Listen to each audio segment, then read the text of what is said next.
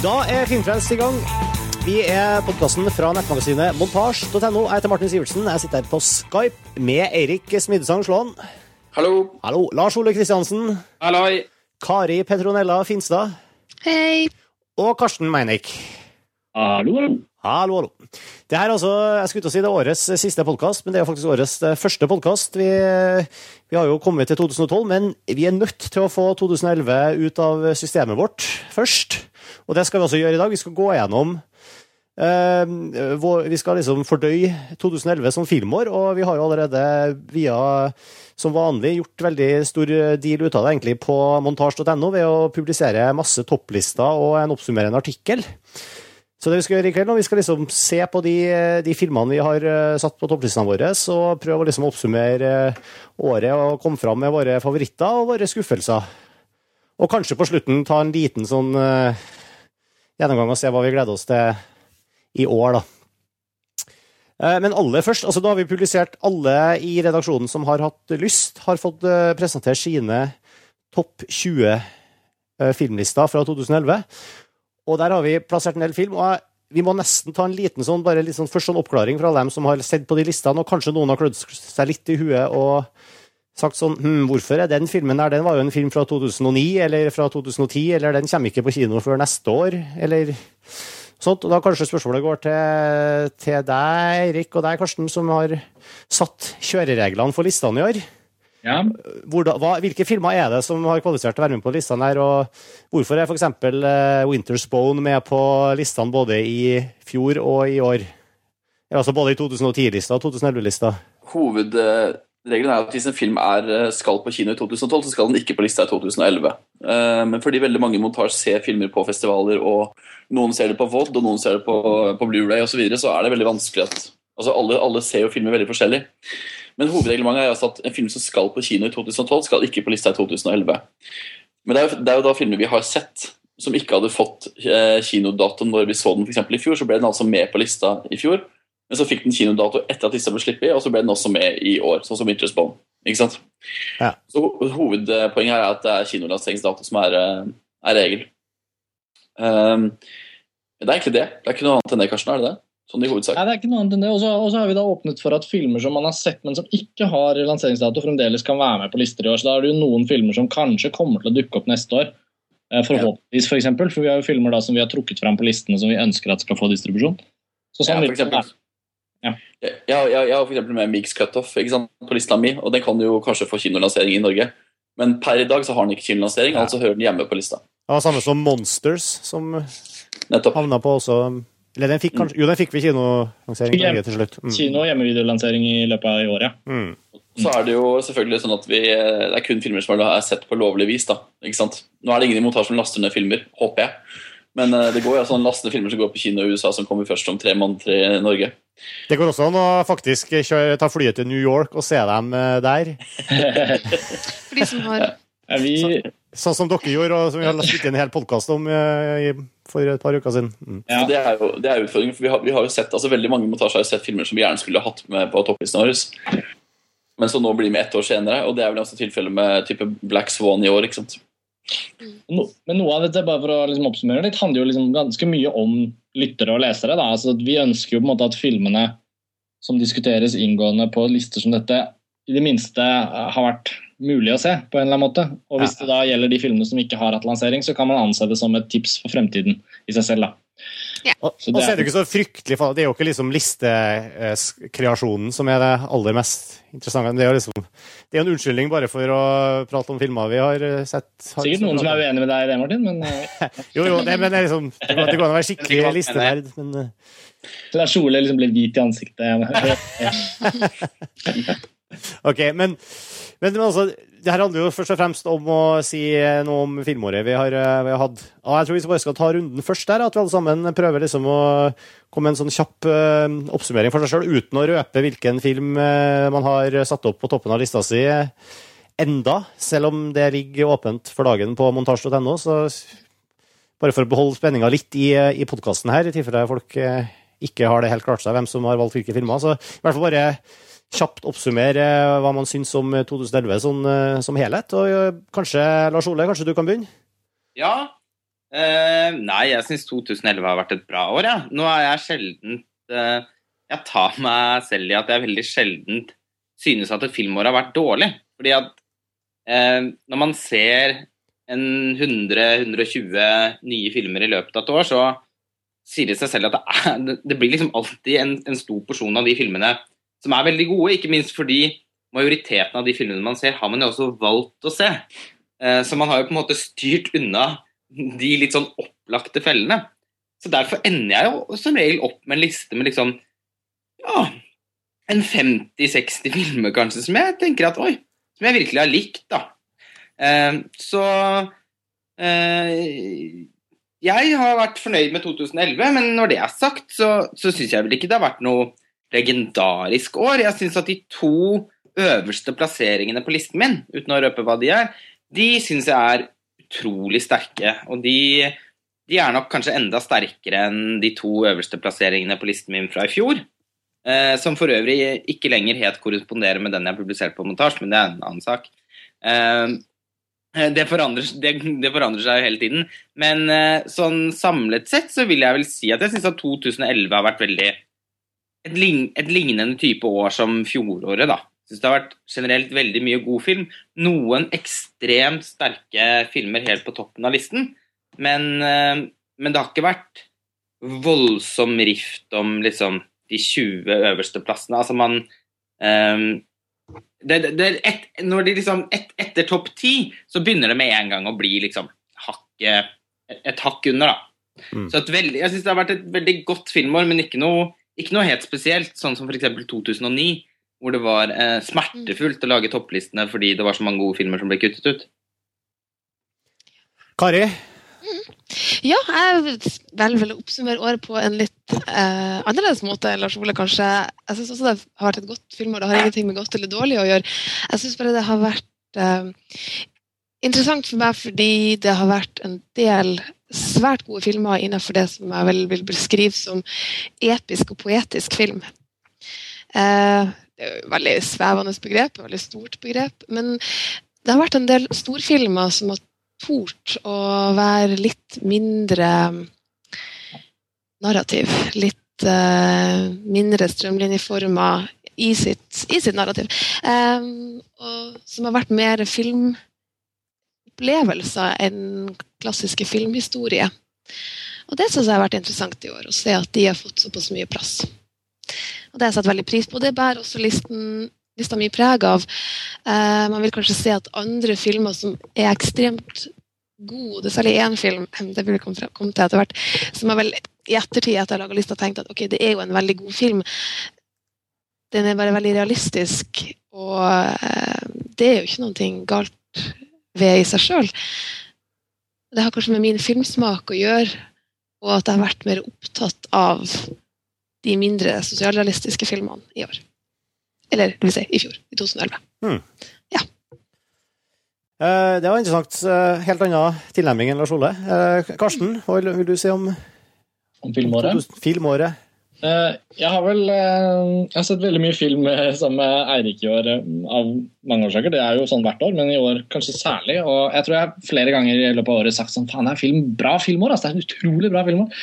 Nå som, året er, nå som året er over, vi har laget listene, det har vært diskutert i det vide og brede. Jeg føler jeg har vært med på fem-seks timer med podkast om dette emnet uten at det har blitt tatt opp podkast allerede.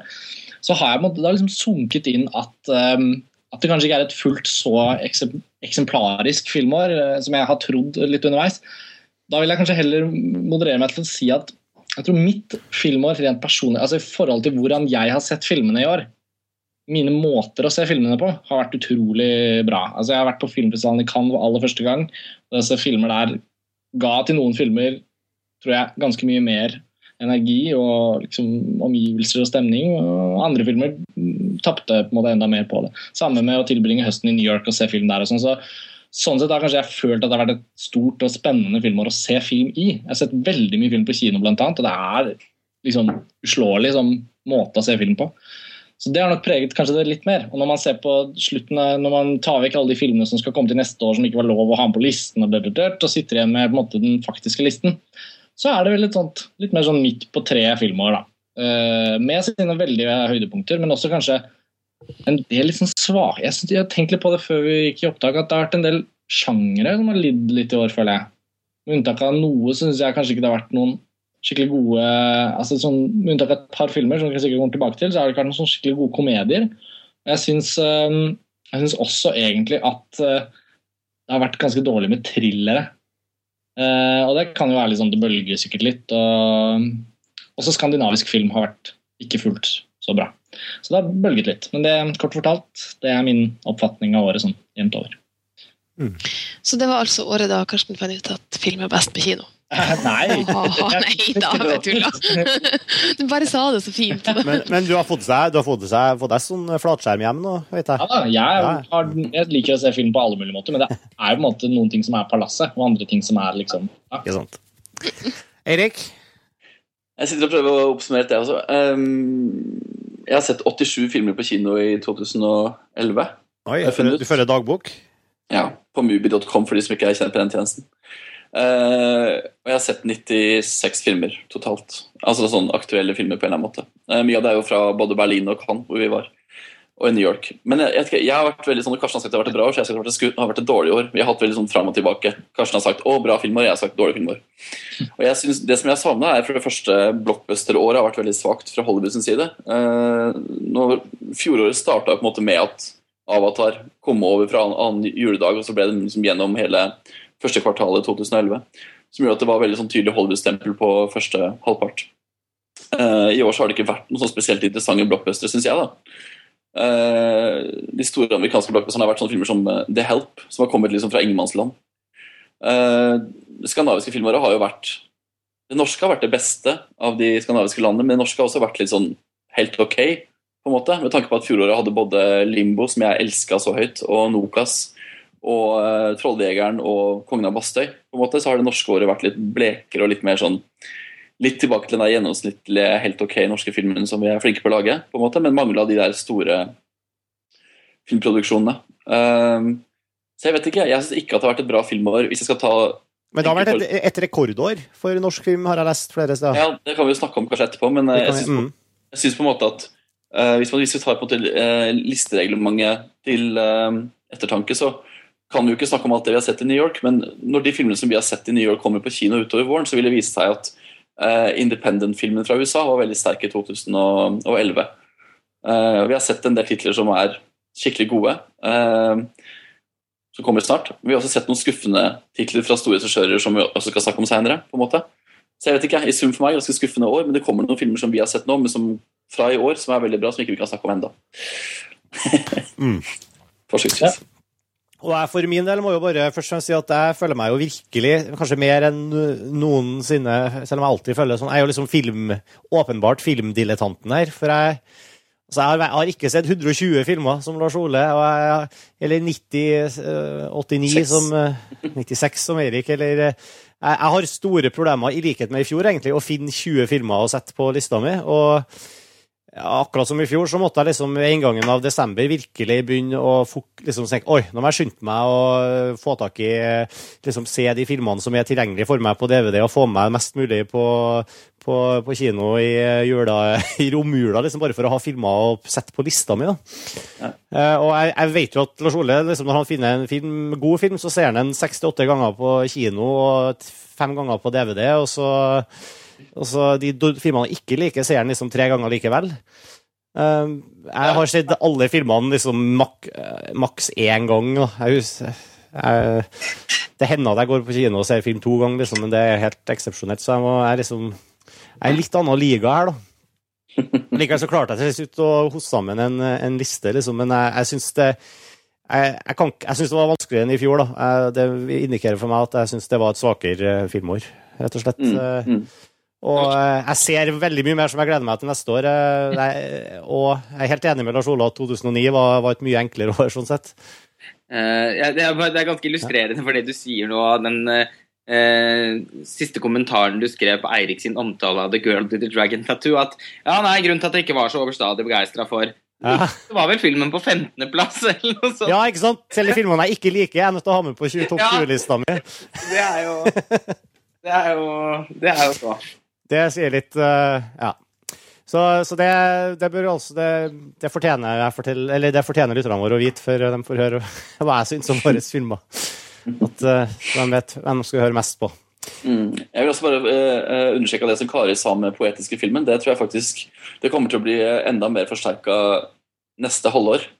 har jeg følelsen av. Der er det en liten trend som kommer fra USA som igjen det som vi har sett, som passer veldig godt inn i den kategorien. Da. Så jeg tror faktisk at det er en liten trend i år. Den lille sånn poetiske, litt mindre narrativt styrte filmen, rett og slett. Som Kari, Kari sier.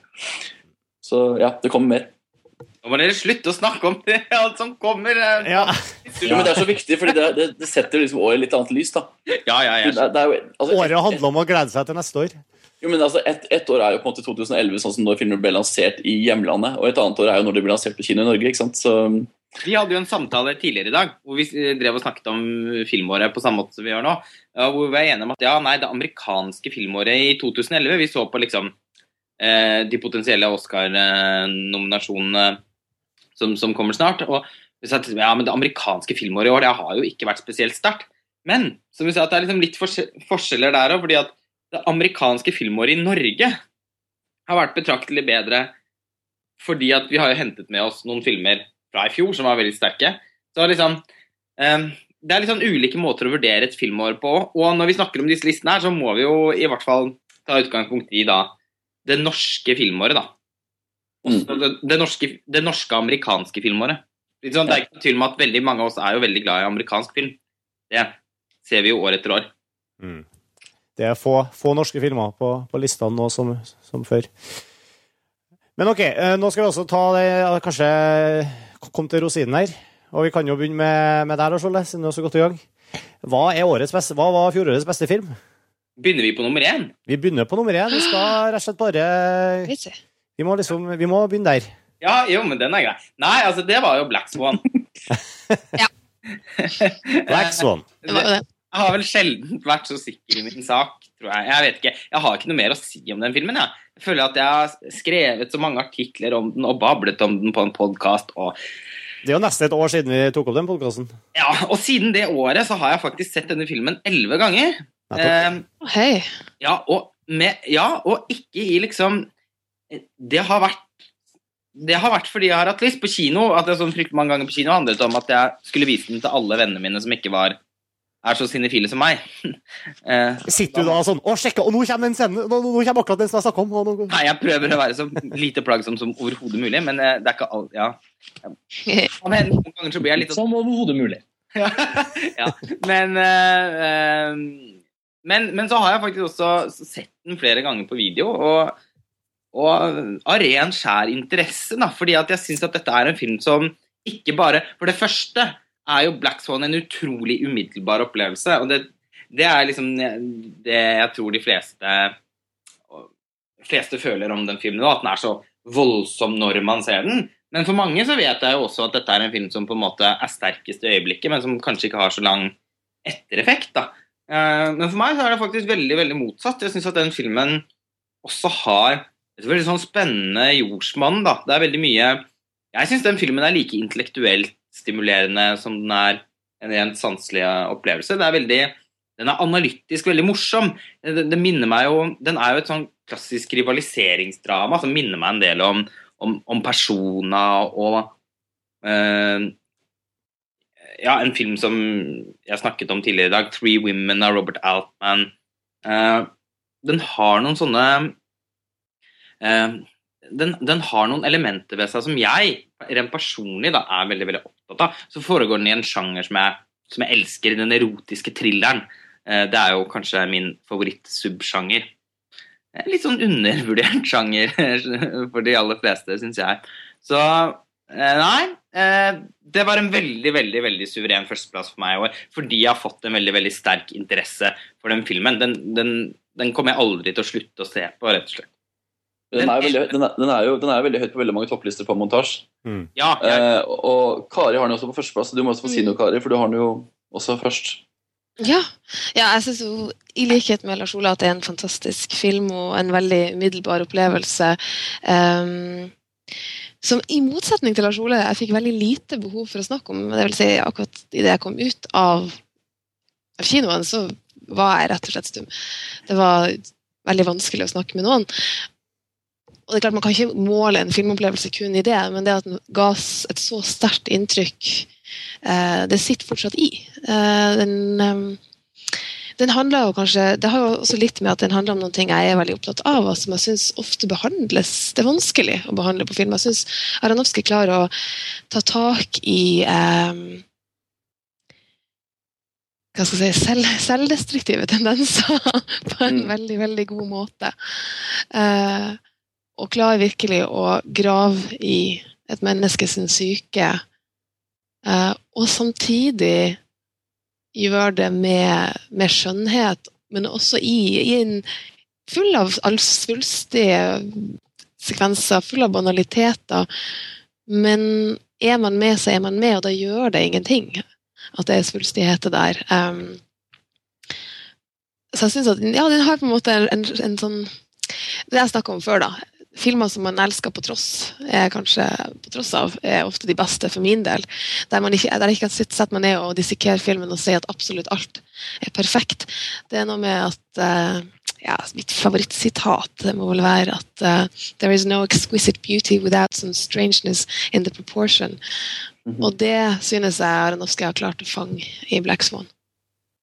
Mm, jeg, jeg, jeg må bare supplere. Jeg, jeg, har den på tredjeplass på min topp eh, 20-liste. Og jeg syns jo jo at det er årets virkelig mest problematiske film. Mm. Som eh, vi vel har krangla om eh, på kontoret flere ganger, flere ganger i montasje. Men jeg syns at det er både en film som er virkelig på visse premisser rett og slett ganske så dårlig, mens på andre premisser er den så genial at det nesten bare gjør ikke noe om den er dårlig. da. Og det gjelder jo Mm, først og, først, og det gjelder jo først og fremst manuset. på en måte. Jeg syns jo manuset er svakt. Rett og slett svakt, på en måte. Eh, men samtidig, det som er så bra med det som er så bra, er så bra at jeg, jeg endte opp med å ta det på en tredjeplass på min liste også. Så det er jo et eller annet Selv for meg som er kritisk mot den, så blir den jo sittende på en måte i hodet, og den, eh, ja, den hører hjemme blant topp tre. Liksom. Og så, og så er det noe med måten den er dårlig på. For jeg også syns jo Jeg, jeg syns jo ikke dette er noe fullstendig perfekt eh, film. Den, den er jo Den har jo noen elementer som er litt dårlige. Men eh, de er for meg veldig dårlige på en veldig bra måte. Det er dårlig på den samme måten som, som Body Double av Brian De Palma er dårlig. Mm. Eller Bitter av Roman Polanski, den som, som er dårlig, men som likevel er en av mine ti favorittfilmer. Som, den har en sånn den er, I den grad den er dårlig, så er den i hvert fall dårlig på en litt sånn forstyrrende måte. da. Ja, den er jo det. Og den har jo en sånn altså, Som sagt, i manuset, i selve historien, så ligger det jo en del banaliteter som nesten kan virke litt eh, litt for voldsom. Men som jeg samtidig samtidig synes fungerer. Hvis man har sett Perfect Blue, eh, den japanske animen, så vil man jo se veldig mye av Black Swan. Um, men i en japansk sukkertøysinnpakning. Mm. Og det er jo, altså Selvfølgelig kom jo den lenge før Black Swan, for all del. Og det er en veldig interessant måte å, å sette den i perspektiv på. Så det vil jeg anbefale folk å gjøre. Det jeg Mm. husker at jeg, Du skrev om den, og jeg så den filmen eh, etterpå. og Det var, det var veldig morsomt. Så det kan jeg også Mm. Jeg kan bifalle den anbefalingen. Uh, også, men bare som et, et godt eksempel på en scene i den filmen der som er ganske dårlig, men som funker enormt bra, det er den scenen hvor Natalie Portman kommer hjem etter, den, uh, etter at hun har fått vite at hun skal bli The Swan Queen. ja. Og, og, og moren har kjøpt denne enorme bløtkaken. Som, som Natalie Portman plutselig Nei, jeg har ikke lyst på den. Å, jeg har fortsatt vondt i magen. Som et tegn på at hun har spiseforstyrrelser. Og moren som som blir kjempefornærma og skal kaste hele den enorme bløtkaka i søpla. Noe en mor på en måte aldri ville ha gjort. Hele, liksom, hele situasjonen er utrolig merkelig. Hvor det til slutt ender med at Natalie Portman Lars Ole, du skal ikke undervurdere altså, hvor barnslige mødre kan være. Mødre. Ja, Mødre er, har vært tenåringsjenter, de også, er av og til det innerst inne, tror jeg. Det er mye pianolærer inn, Ja. inni, det, inni det her òg? Ja, og Carrie, eh, Mm. eh, som også har et sånn eh, mor-datter-kompleks. Men eh, Og hvor de da Det er jo selvfølgelig eksepsjonelt grusomt i den filmen her, det må man jo kunne få lov å si. Ja, altså Måten det er gjort på, er så ufyselig. da, Når de liksom, når eh, Natalie Portman eller Nina da sier No, no, no, man!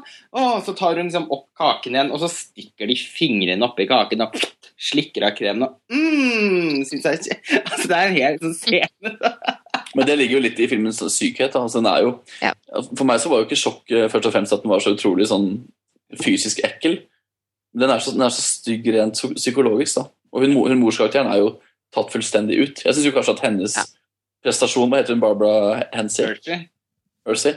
Jeg syns kanskje hun ble veldig glemt da, når folk snakka om Black Swan. Mm. Jeg syns hun er utrolig god i den rollen, for hun, hun tar den faktisk så ut som manuset krever. da. Mm. Det er Eh, fantastisk bra.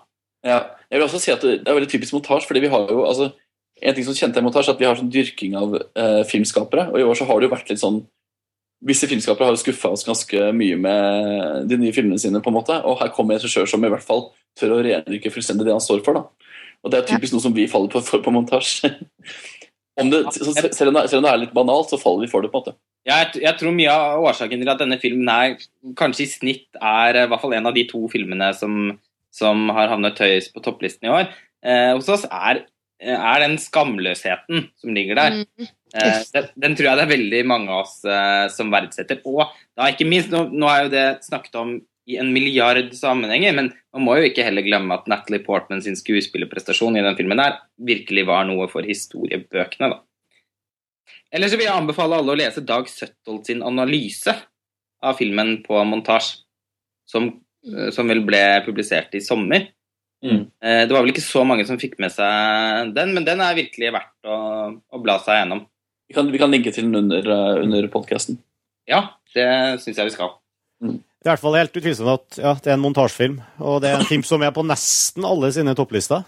Og, og gjerne på topp ti, ser jeg. Og, og det er ut, en film som er nesten ja, Uansett hva man har og hvor, mye man, hvor intellektuell man syns den er, så er det åpenbart en film som gjør veldig sterkt inntrykk på kino når man ser den. Mm. Um, det var både Lars Ole og Kari sin eh, favorittfilm faktisk fra 2011. Men da er det jo sånn eh, våre interne, interne regler på Filmfresten her at uh, siden det er din tur til å presentere favorittfilmen din, eh, Kari, så kan du få lov til å presentere også andreplassen din. Å, Hei, det siden du allerede har, så eh, gøy! allerede vært innom Ja, men da ja. Min nummer to er 'Melankolia' av Lars von Trier. Yes. Yes, Som jeg vil tro at, eh, vil tro at ligger ganske høyt på ganske mange andre topplister også. Det gjør den. Og ja, og det er igjen da nok en av de her store opplevelsene. Um, den er jo helt klart svært ulik Black Swan, men den har også det her elementet av selvdestruksjon i seg, som jeg jo da faller for, og som jeg synes er viktig å ta opp på film på en god måte, og som vi har gjort igjen helt eksplosjonelt fantastisk bra, syns jeg. Og jeg synes, jeg synes, for å være helt ærlig, så vidt altså Jeg burde kanskje ta en gjennomgang av von Trier igjen, men det her er en, i, i mine øyne von Trier sin beste film. Jeg falt vel kanskje ikke så for, hardt for Antichrist som mange andre gjorde. Um, også fordi den her er, den er så uendelig både trist og vakker og intens og stor, og selvfølgelig eh, det kan ha noen ting med å identifisere seg med kvinnelige hovedpersoner, kanskje. Som er litt, eh, som er litt mentalt syke. Men det Ja, som er litt mentalt syke. Det sier jo noen ting om meg. Jeg vet ikke. Uh, jeg syns at jeg er frisk og glad, men det var jo så. Ja, ja. Som, eh, som Erik Fogel liker å si, så lager Lars von Trier bare filmer om kvinner som går til grunne. Ja. ja. Kvinner som går til grunne. som driver seg sjøl til kollaps. Uh, og jeg synes at det, den er Faktisk så syns jeg den er modig i sin uh, Det er noe med at han laga denne filmen etter å ha laga en film som er så sjokkerende som Antichrist. Den her er ikke på samme måte sjokkerende. Den er mye, mye mer dvelende og poetisk, og det syns jeg er veldig flott. Men jeg, jeg syns også den er liksom tema, Jeg oppfatter den som tematisk veldig nær måten jeg så Antichrist på. Jo da. Nå, nå var vi jo innom at det var vi, det er jo, Han er jo så rik både Jeg syns i like med deg at filmene til von Trier blir jo bare bedre og bedre eh, for, for hver nye film jeg lager. Men, Men altså, de, de er jo så rike at det er så mange forskjellige måter å se dem på, og, og man kan på en måte legge så mye i dem nesten som man vil, for det er så mye liksom, rikdom. Men, men jeg oppfatta veldig Jeg, har jo også 'Melankolia' som min favorittfilm i år. Og jeg synes, jeg, synes liksom, selv her, da, selv om den har eh, anna rammer og, og annen, på en måte en em, annen dimensjon i seg, og, og, og har kanskje en annen sånn, rent sånn hovedtema, så, så er vi også her, føler jeg, veldig på sånn eh, Menneske som forsoner seg med sin med liksom, eh, Som prøver desperat å finne orden og mening i, i eh, den kaotiske naturen, liksom, som er amoralsk og brutal og nådde, Han er liksom på Chaos Rains her òg, syns jeg.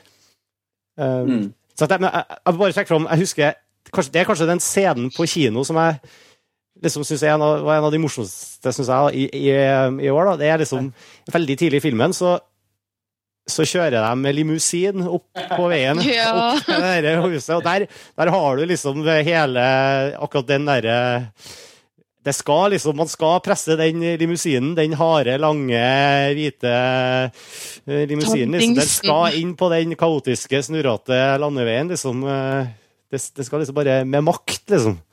Mm. Det, ja. Det, Ja, ja. her, da lo jeg høyt, altså. Den er, den er jo veldig morsom. Jeg, jeg har jo Melankolia på andreplass også. Mm. Uh, jeg må jo si at jeg, Den er jo faktisk veldig morsom. Det morsomme er at, altså, som Kai sier, den er jo også Jeg føler at det er Lars von Triers, eller en av hans mest tilgjengelige filmer. på en måte. Etter å ha laget en av de mest utilgjengelige Manticore, så lager han en av de mest tilgjengelige. tilgjengelige og det i et år hvor den der kosmiske filmen, altså som Tree of Life også er en slags sånn kosmisk film. ikke sant? Det der lille mennesket som er på en måte prisgitt uh, ja, det store kosmiske. Altså Den er ganske interessant i forhold til at den kommer i 2011. Nå kommer jo hele den der nye dommedagsbølgen i 2012. ikke sant? Masse avisskrivere om verden skal gå under alt det her. Og så kommer det to tydelige regissører som begge er veldig sånn filosofisk anlagt. Terence Malick og Lars von Trier og lager hver sine sånne kosmiske filmer. På veldig forskjellige nivåer eh, i forhold til hva det egentlig handler om. Men samtidig, Melankolia, som du sa, Kari, den var tilgjengelig, og den var ekstremt poetisk. Og for meg så er det faktisk kanskje 2011s eneste virkelig store kunstverk av filmene. da. Altså kunstverket som visuelt. Mm.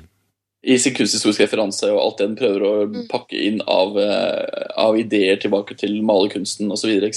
Den er så eh, ambisiøs og samtidig så rendyrka og så lett. Altså Den føles ikke Mm. Den er ikke tung og vanskelig sånn som Antichrist, den er liksom litt lett, og det er så deilig. Ja. Så ja, en av årets desidert beste filmer. Altså. Ja, absolutt. Ja, det er virkelig, Den er jo på også veldig mange lister. Den er vel nesten like listeprofilert som, eh, som Black Swan, tror jeg. Om ikke mer. Yes. Ehm, Karsten, Ja, din store favoritt fra 2011? ja, min favoritt fra 2011 var jo da ikke Black Swan, men den er jo da høyt oppe. Den er på tredjeplass. Men min absolutte favorittfilm det er da 'Nader og Simin et brudd', som den heter på norsk. Det er en film som uh, internasjonalt er mer kjent for tittelen 'A Separation'. Men, eh, men den går jo på kino i Norge nå, så de fleste har vel begynt å fall høre litt buzz på den filmen. Da vi så den første gang, det var jo på Kosmorama i mars. Lars Ole og Eirik og jeg var på samme visning av den. Og etter den visningen så kjente jeg veldig sterkt at den filmen hadde gjort et skikkelig sånn, emosjonelt nedslag. Det var litt sånn vanskelig å Etter hvert som vi så flere filmer utover og i Cannes og videre i året, så kjente jeg bare at den filmen den var liksom helt spesiell. Uh, vi var på Berlinalen da den hadde sin premiere, men eh, av forskjellige årsaker så får man jo ikke med seg alt som skjer. Og det var ikke en film vi hadde notert oss på forhånd i det hele tatt. Så den, den kom litt sånn ut av det blå, så fikk den Gullbjørnen i Berlin. Og den fikk både skuespillerprisene for beste mannlige og kvinnelige skuespiller, som gikk til hele ensemblet. da. Så etter Berlin så var vi litt, litt sånn Oi, den må vi jo da få sett. Så det var gøy å se den tidlig, og så så jeg den igjen um, nå på slutten av året. Det her er jo Jeg føler jeg har skrevet så mye om den, men jeg, eh, Det er en sånn film som rett og slett Jeg har lyst til å si det veldig kort. Den, jeg følte at den var fullstendig sannferdig. Altså, selve opplevelsen av den filmen var komplett eh, troverdig. Samtidig som det ikke var en film som forsøkte å være noe annet enn fiksjon. Det var et veldig tydelig drama. Slekter kanskje nesten med på sånn på en måte Ibsen, hvis man kan, eller liksom klassiske teaterstykkene som har tatt opp de store spørsmålene, og som har overlevd tiår etter tiår og blir satt opp om og om igjen. Det føles som en sånn veldig sånn um, evig fortelling, på en eller annen måte. En, en familie, et par, da, Nader og Simin, som, uh, som sitt, eller som ønsker å bryte opp sitt ekteskap. Ikke nødvendigvis fordi de ikke elsker hverandre, men fordi de ikke ønsker det samme for, for fremtiden. på en eller annen måte. Og så forårsaker det en rekke av konflikter og, og forskjellige konsekvenser som gjør filmen nesten litt som en slags dramatriller etter hvert. Den skifter litt sjanger og den beveger seg mellom veldig mange forskjellige ting. Det er ikke bare jeg som har den på listen min, så det er ikke bare jeg som trenger å snakke, men det var i hvert fall en film som gjennom hele året på en måte egentlig aldri ble overgått. Mm. Jeg synes det, var, det er interessant å høre det du sier. Jeg hadde litt dessverre det motsatte utgangspunktet, at jeg så den på slutten av året og hadde da fått bygd opp forventningene kanskje er litt vel heftig. Men nå i ettertid, bare, og den har jeg ikke hatt så lang tid til å fordøye heller, så kjenner jeg at den kanskje ligger ufortjent langt ned. Jeg tror jeg har den på 16.-plass eller noe sånt på min liste. Uh, fordi det er jo en veldig god film. Det er jo bare ikke nødvendigvis en film da, som treffer min smak, sånn som jeg snakka om innledningsvis. Uh, kanskje fordi jeg elsker fiksjon. Uh, litt sånn, jeg synes det er litt fint som du skrev det her med å, å velge noens realitet fremfor noens drøm. Man sier da ofte velger vel noens drøm fremfor å se noens realitet. Ja, hvis du skjønner hva jeg mener. Det, ja. Uh, ja. Ja. Jeg skjønner hvorfor veldig godt hva du mener med det. Da, for jeg er nok Eh, om jeg ikke er fullt så drømmete som deg i, i, smaken, så er nok jeg i hvert fall en mellomting mellom deg og Karsten eh, der. Mm. Og, og, jeg òg. Jeg har Nader min på tiendeplass. Det føler jeg at jeg, for meg, jeg føler meg ganske trygg på det. Eh, og det er jo kjempehøyt. Av så mange Av 120? Ja, det er, utrolig høyt. Altså, den ga et veldig sterkt inntrykk. Jeg, hadde, jeg, så den sammen med Eirik og Karsten, og det var den suverent største opplevelsen vi hadde på Kosmorama. Det tror jeg ikke det er. Eh, og det var en, eh, altså en helt eksepsjonelt meddrivende fortelling. Nydelig spilt, veldig gode karakterer, kjempegodt manushåndverk. Uh, et, liksom et regnestykke som bare går opp i høyeste potens. Men innenfor en litt begrenset ramme for meg, da. Altså Uh, det her er ikke en veldig filmete film? Nei, det er ikke en veldig filmete uh, Men det er jo sjelden man har sett en så ekte film. Den... Nei, altså ja. Nei, det syns jeg heller ikke. Den er jo også litt såpeopera, syns jeg. Men det er veldig, veldig veldig bra såpeopera. Og, uh, og, sånn i form og liksom fortellermåte så har den en sånn effektivitet og en sånn nøkternhet som jeg nærmest vil sammenligne med noen av Sidney Lumet sine filmer. da. Og, og jeg liker jo flere av Sidney Lumet sine filmer veldig, veldig, veldig godt. Men for meg så kan aldri Sidney Lumet bli en Scorsese eller en Spielberg eller en De Palma eller en ja, you name it.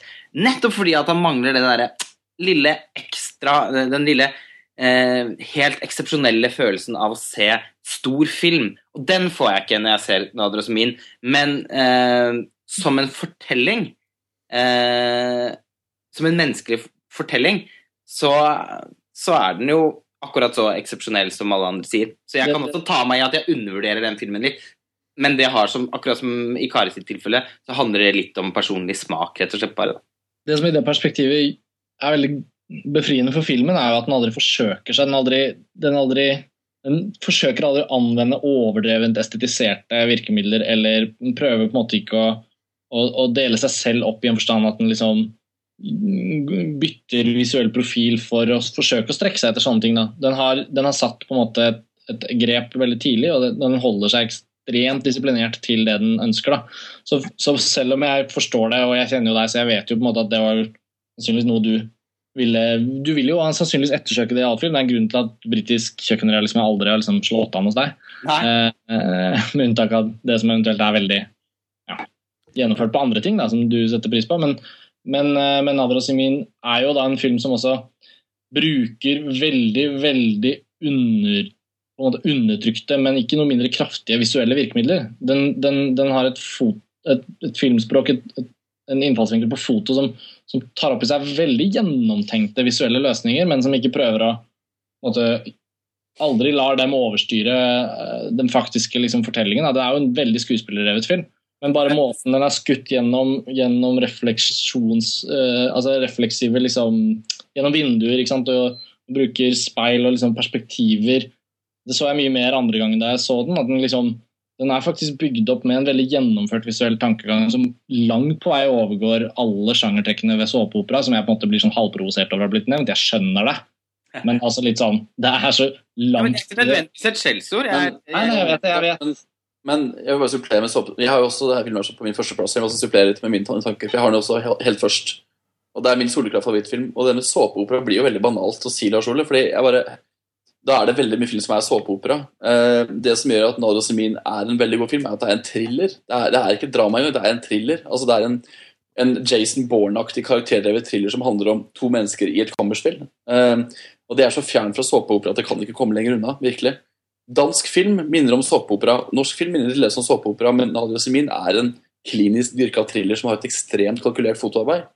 Um, og at den ikke er overdådig, at den ikke er skosese-regissert med store tablåer og masse periodekostymer, gjør at den blir enda sterkere, for at den brytes enda mer ned til det den handler om, nemlig en veldig Ibsen-aktig historie. Som er rett og slett ganske sånn Altså, Den kunne vært laget for 50 år siden og laget, laget i, i, år. Den føles rett og slett helt um, utenfor alt. da. Og Det er derfor den er så kraftig. En, en såpeopera er per definisjon prisgitt at den foregår akkurat i dag og har karakterer som relaterer seg til dagsaktuelle problemer. Det gjør ikke den filmen her i det hele tatt. Så jeg blir både provosert av at du sier det, og jeg syns også det er litt sånn teit. På en måte En veldig teit måte, og veldig banal måte å ta den på.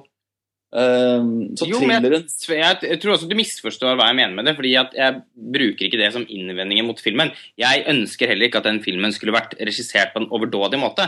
Uh, jeg er mer enig i at jeg forstår Kari veldig godt i forhold til det hun snakker om med smak. Fordi at når man lager en sånn liste som det er, så er det også styrt uh, det er nødvendigvis også styrt av en veldig subjektiv jo, men Det er veldig fint, men da må man passe på at man ikke omtaler filmen som at filmen i seg selv er sånn og sånn. Nei, nei, Nadrosamin, Hvis Nadrosamin oppfattes av, de, av, deg som en såpeopera, så er det greit. Men Nadrosamin i seg selv er ikke en såpeopera. Jeg vil understreke at min topp tre er Nadrosamin, og så er det Melankolia, og så er det Black Swan. De to siste er ekstravagante, barokke, pretensiøse filmer. Den første er en klinisk thriller. Uh, og det viser noe om at Den som har sittet igjen hos meg, da, i forhold til min personlige smak, er den personlige thrilleren. Nadia Ikke sant? Uh, jeg bare, jeg husker at det, jeg, jeg, skjønner liksom ikke helt den referansen til at, til at det engang er et drama. fordi For meg så er ikke Nadia engang et drama. på en måte. Det er noe helt annet. Det er, altså Den er såpass intens da, i stilen at den nesten føles mer som uh, ja, Ibsen. da, på samme som jo, Ibsen Men jeg er også enig i, i, det du sier om at den på mange måter er en thriller. Det er derfor jeg trakk opp Sine Lumé-navnet i stad også. jeg opplevde også at den filmen hadde en eh, Altså, den var så spennende, da. At den også opplevdes som en thriller. Men det er jo også et Jeg vil jo si at en blanding av Altså, den, er verken helt thriller eller helt drama, syns jeg. Jeg syns den er begge deler. Mm, men det som gjør at, altså det at den som thriller eventuelt da overgår en Sidney Lumé-sammenligning, er jo at har en veldig tydelig eh, emosjonell kjerne. Hovedsakelig fordi skuespillerne er så utrolig gjennomført. da. Altså Man lever seg så inn i karakterene. Den blir jo aldri kaldt fortalt. liksom. Den blir aldri liksom en sånn kynisk Mange thrillere kan jo hende opp i det, at man liksom ikke egentlig bryr seg emosjonelt. Det er kanskje spennende, men det blir liksom ikke emosjonelt nok. Men når eh, Nadra Semin er over, så er den jo føles utrolig omtenksomt og empatisk fortalt. Da. Man sitter igjen med masse karakterer som har behandlet hverandre både pent og dårlig, og man har sympati for alle, samtidig som man forstår at disse konfliktene på et eller annet sånt langsiktig nivå også er litt uløselige. Mm. Uh, og at, den klarer, at han, uh, Askar Farhadi, han, manusforfatteren og regissøren, klarer liksom uh, Der hvor den er på sitt mest thrilleraktige, så har han likevel liksom hele tiden nærer han opp under scenen og karakterene med, med et sånt empatisk blikk. som gjør at den, den har den der merkelige kvaliteten som noen filmer får, hvor den, hvor den blir litt vanskelig å, å plassere. Kanskje derfor jeg altså liksom tenner litt når, når, den får noen sånne etiketter hvor jeg tenker sånn Men det er ikke sånn i filmen her, for den har også det, og den har også det, og den har også det. Mm. Jeg, jeg, vil også bare legge til at når vi så den på Kosmorama, så jeg, jeg, var jo veldig skeptisk når vi gikk inn i salen, husker jeg, for jeg er veldig lite glad i såkalt eksotisk film. altså Jeg er veldig lite glad i iransk film generelt. da. Jeg synes ofte det blir litt sånn jeg vet ikke, Disse filmene som ofte kommer på kino med et sånn jeg vet ikke om det er Arthas eller hvem som helst som har de, så blir jeg ofte litt sånn jeg avfeier de ofte bare for at de kommer fra der de kommer fra. da. Som i hermetegn er en perle? Ja, ja, ikke sant. Det er jo, det er jo altså, hvis, hvis, på en måte noen liker drømmefilm og noen liker uh, samlivsdrama, så er jeg veldig allergisk mot ordet perle. da, ikke sant? Altså De filmene som er der. Og Nader og Semin, når jeg fikk den presentert, så tenkte jeg jøss. Når, når vi var i Berlin, så tenkte jeg at det her var en sånn perle som kom til å bli kjøpt opp av Arthouse og vises på Gimli kino. Og da ville ikke jeg se den. på en måte, Da er ikke jeg interessert. Da finnes det masse annet jeg kan se istedenfor. Men når vi gikk inn i kinosalen, så husker jeg at både, eller begge de to var veldig sånn Oi, det her kan bli ganske interessant. Og vi var litt spente. Men det var kanskje jeg som ble mest tatt på senga av hva den viste seg å være. på en måte, For jeg var så sjokkert over at den faktisk var så fjernt fra det jeg hadde trodd. da, At jeg lærte ganske mye om mine egne fordommer og hvordan jeg ser på film generelt. Uh, og den, det, var, det her var jo mars, og jeg har jo ikke sett den siden. Så jeg må jo si at jeg husker jo alt, liksom. Jeg husker jo alt i filmen. Den sitter gjør helt sånn fjellstøtt i hodet mitt. Men, men det, det er noe jeg oppfører som jeg har likt veldig godt med filmen. nettopp altså, den der, Hvordan den er så mange ting, og hvordan, jeg, hvordan den filmen Mens jeg ser så føler jeg liksom at filmen på en måte heller meg ved å på en måte gjenoppfinne seg sjøl hele tida. Nesten fra scene til scene. Den, den sniker liksom stadig vekk, i tillegg til at det er liksom en gripende, eh, på en måte relevant uh, rammefortelling som, som, som um, er følelsesmessig engasjerende, så er det sånn, den, på en eller annen sånn veldig god måte så klarer den å snike inn nye detaljer som viser seg å bli veldig viktig for hvordan uh, spenningsdrama utfolder seg som jeg ikke tidligere hadde bitt meg så veldig merke i. Som plutselig, så er, i det jeg tror jeg vet Å ja, er det det filmen handler om nå, ja? Er det det som skal skje i resten av filmen? Så, så kommer det en eller annen ny dimensjon inn, en ny detalj inn som liksom snur og, og liksom setter nå, nå, nå, handler det om det her i tillegg. Mm. Så liksom jeg føler at filmen hele tida blir mer og mer interessant. da. Mm, der ligger jo kanskje litt nettopp den såpeestetikken, at det hele tiden skal være sånn twist and turns. Mm. på en måte. Der ligger jo litt den såpesjangeren. på en måte. Ja, altså, det er det jeg mener når jeg sier det. Ja, altså, husk at min favorittfilm i år også er en såpeopera. Ja, men, ja. men, jeg har også skrevet en ting som jeg, jeg tror jeg skrev på min topp 20-liste. at det rare er jo at For meg så føles det her som det beste Aaron Sorkin-manuset i 2011. For eksempel, da. altså, den, den føles så fjern fra det den egentlig er. Um, Arnaud Desplat som lagde Conte Noël, en julefortelling, er jo den regissøren som jeg mener at den ligner best, mest på. da. Eller, altså, hans filmer ligner mest på Nadir og Simin, selv om de aldri er så intense, så minner de mest om det i forhold til hvordan kameraet beveger seg, og, og skuespillernes på en måte, samhandling, da, hvordan de fungerer. Og at det ikke er nødvendigvis en hovedrollefilm eller en birollefilm, men at det er en ensemblefilm. Mm. Så jeg, jeg, er veldig spent på Nå vinner jo denne beste utenlandske film i Oscar-utdelingen, sannsynligvis, og da får den jo også en lansering i resten av verden. Jeg, jeg tror at det her kommer til å bli stående som en slags en enda en sånn lite sånn en ny vei innenfor eh, iransk film da, i, fra og med nå. At kanskje, nå tør man kanskje lage litt filmer som sjangermessig går litt den veien her også, håper jeg. Er, og, den er, og, den er, viktig som, som, en sånn øyeåpner som Eirik snakker om. Altså, det er veldig enkelt å ha fordommer mot uh, eksotiske filmer fra spennende deler av verden. Og det, de fordommene er også medfører ofte litt riktighet, da, dessverre. Eh, og det handler om at uh, iransk film har jo Man forbinder jo iransk film med Abbas Kiarostami. Da. Nå liker jeg de Kiarostami-filmene jeg har sett, men det er også noe litt sånn blytungt over det. da. Uh, men 'Nader og Semin' er en utrolig tilgjengelig uh, film som jeg tror jeg tror ikke det er noen som kan mislike den filmen. Den har allerede kommet ganske høyt opp på Internet Movie Database sin topp 250-liste. Og det er sikkert en av de filmene som kommer til å bli der, fordi den går ikke an å mislike, tror jeg.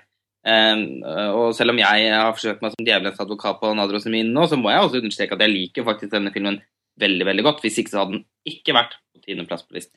Men til tross for at den havner høyt opp på våre lister og, og er en veldig god og lett tilgjengelig film, så eh, altså blir den sett det, det, slår meg jo som en veldig lavmælt i utgangspunktet film som man avfeier på måten som Eirik nesten gjorde. og den har en tittel som eh, oser av kjedsommelighet.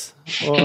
Skal akkurat si det. Jeg har ikke sett ja. på, på, tallene, men bare som en gledelig overraskelse når jeg skulle se den i romjula, så var det faktisk utsolgt. Det eneste setet jeg fikk tilbud, var eh, handikapsete helt ute på kanten. Så da måtte jeg faktisk be. Jeg, da venter jeg faktisk en dag så jeg skal få sett den yes. med skikkelig plass. Nå, nå vet, men jeg vet ikke hvordan den har ja, ja, men, eh, og jeg kan kime inn med litt informasjon her, hvis det er noen som er interessert. Yeah. Jeg har fulgt litt med på det. Altså, i, Norge så har den nærmere seg 6000 solgte billetter nå, etter um, ti dager på kino. Det er ganske bra. det er veldig, veldig bra. Det er kjempebra. Det er liksom, det, det, da tenker jeg at den filmen, med, med den typen kritikermottakelse, og hvis man sier at målgruppen skal, er noenlunde voksen, og Gimle er booka, så tenker, tenker, jeg at den filmen kan surre og gå i månedsvis. Og sannsynligvis komme opp mot uh, 30 000-40 000. Så det er jo kjempebra, men også internasjonalt. Altså, den er solgt billetter for 5 millioner dollar i Frankrike, blant annet.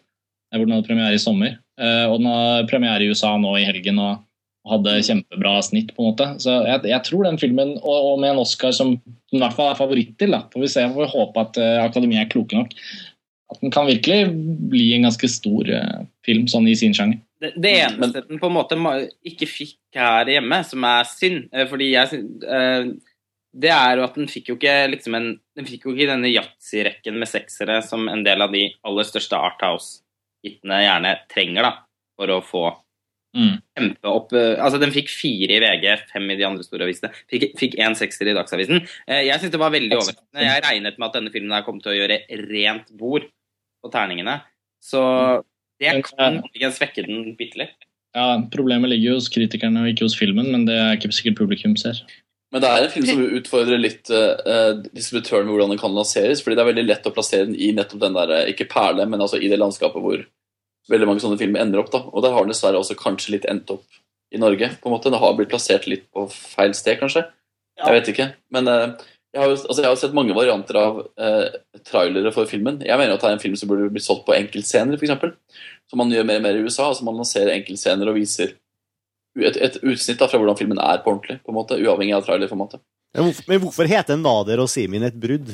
Så det, Ja, det er jo også et godt poeng. Det, ja, det kunne jo hett noe helt annet. Men det er, igjen, da, norske titler Mm. på filmer er jo ofte det verste. liksom. Altså Certified Copy heter 'Møte i Toskana' på norsk. Det er, det er, det er fjorårets Det dårligste Det selger jo filmen, da. Det selger jo filmen, da. Jo, men altså, igjen da, skal man, skal man, jo, men da, De som går og ser den, da er de samme som gikk og så den der sommerlunsj i Roma. på en måte. Ja, ja, ja, men da Nå får de en bedre film! Jo. Men, men altså, det, det bør være i enhver disputørs interesse å prøve å vekke Nå skjønner jeg plutselig hvorfor jeg ikke har sett den. Ja. Uh. Den var jo på min liste i fjor, da. for å minne Men, det er, men poenget mitt er Da at kan vi i hvert fall eh, oppleve at disse 50-plusserne med rødvin kanskje setter rødvina litt i halsen. Da, Men det er jo gøy. Men det må være i enhver disputørs interesse, også i Norge, å prøve å treffe litt nye målgrupper og være litt mer kreativ i, i hvem de sikter seg inn mot. Og det er altfor mye lettkjøpt markedsføring i Norge. Altså, og sånne ting som det her. Og Nadia Semin, et brudd. Som du sier, Martin, det er en forferdelig tittel. Den, den sier egentlig ingenting om hva filmen egentlig handler om, uten at det er et brudd. da. En annen ting er jo, Når man skal jobbe redaksjonelt med å selge inn en film i forhold til publikum, så hvor er Henrik Ibsen-referansen i artikkelen? Liksom? Er, altså det her er jo, det føles som et, det føles som et norsk drama eh, noen ganger. Altså det er, det er så mange knagger da, å henge denne filmen her på, som vi har sagt om nå i en halvtime. Så Inger Merete Hobbelstad nevnte Ibsen en del i anmeldelsen sin i Dagbladet, i hvert fall. jeg stemmer det, det gjorde du faktisk. ja. Men den, men den gjør det jo bra. Det er vi enige om. Den gjør det jo kjempebra for kino. Nader og Simin, ja. Overraskende nok eh, toppfilmen til både Karsten og deg, Erik, som er nestemann på lista vår. eh, Som skal, så du, nå har vi liksom vært innom både Nader og Simin og Melankolia, som var dine to øverste filmer fra i fjor. Og Black Swan, som er på Og Black. Swan, som er tredjeplass, faktisk. Stemmer. Så da må vi hoppe til Meeks Cutoff. Ja. Kelly Reichards Meeks Cutoff, som er min fjerdeplass på årets eh, liste. Du må fortelle meg litt om, for den har jeg ikke sett. Nei, altså Mix Cutoff kommer jo ikke på kino i Norge, ser det ut som. Den kommer rett på eh, et eller annet format. Um, der er film nummer to fra Kelly Reichardt, som lagde Wendy and Lucy. Uh, som også hadde Michelle Williams i uh, hovedrollen. Det her er en, her er en westernfilm, kan man si det. Uh, noen har kalt det neo-western. Jeg syns det uttrykket er helt uh, grønnjævlig, så jeg vil ikke gjenta det. Men det er en film som handler om tre familier som beveger seg over prærien eh, en eller annen gang i Ville Vesten-tid for å komme seg til et mål, eh, men som går seg vill i et helt øde, isolert eh, ørkenlandskap hvor det er veldig varmt og det er lite vann osv. Så, videre. så det handler egentlig om mennesker som går under, og ikke fluenes herre går i tottene på hverandre og blir voldelige, men som på en eller annen mm, sub, veldig subtil måte allikevel ender opp med å eh, ja, altså men, Menneskets overlevelsesevne satt i kontrast mot uh, natur og fravær av vann, for så vidt, handler filmen om. Veldig sånn banalt sagt. Uh, men disse tre familiene får etter hvert med seg en indianer som skal vise dem vei, og han viser seg å være farlig eller ikke farlig. Og det tilfører et slags element av horror uh, i filmen. Så Mix Cutoff går fra å være et slags mellommenneskelig drama til å bli en liten sånn ek ubehagelig thriller-horrorfilm. Rett og slett. Hvorfor den er så insane bra? Altså, Karsten og jeg så den her på filmmarkedet i Berlin. Eh, det begynner med ganske lenge siden. Men den er så bra for meg for at den har gitt meg sånn, den har en sånn magefølelse som fortsatt sitter hos meg. da, En sånn følelse av vemmelighet. Som også preger den filmen som jeg kommer til å ha på omtrent samme plass neste år, nemlig Martha Mars in May Marlene, som jeg har snakket om før, som vi har sett i New York, og som kommer på kino til, til våren. En sånn film som har en sånn langsomt tempo, og som på nødvendigvis ikke Det skjer ikke så ekstremt mye i den, men den, plutselig blir den nesten uutholdelig, vemmelig å, å se på, rett og slett. Uutholdelig vemmelig? Ja, det, det klarer jeg ikke helt å kjenne meg igjen i. Eh, nå hadde, fikk, fikk jeg helt ekstatiske forventninger til Mixed Cutoff pga. den panegyriske opplevelsen som dere hadde med den filmen i Berlin. Jeg har jo da ikke sett den på kino, Fordi det er jo ingen som har ville satt opp denne filmen på kino i Norge. Det syns jeg er veldig dumt. Eh, men jeg har sett den på DVD.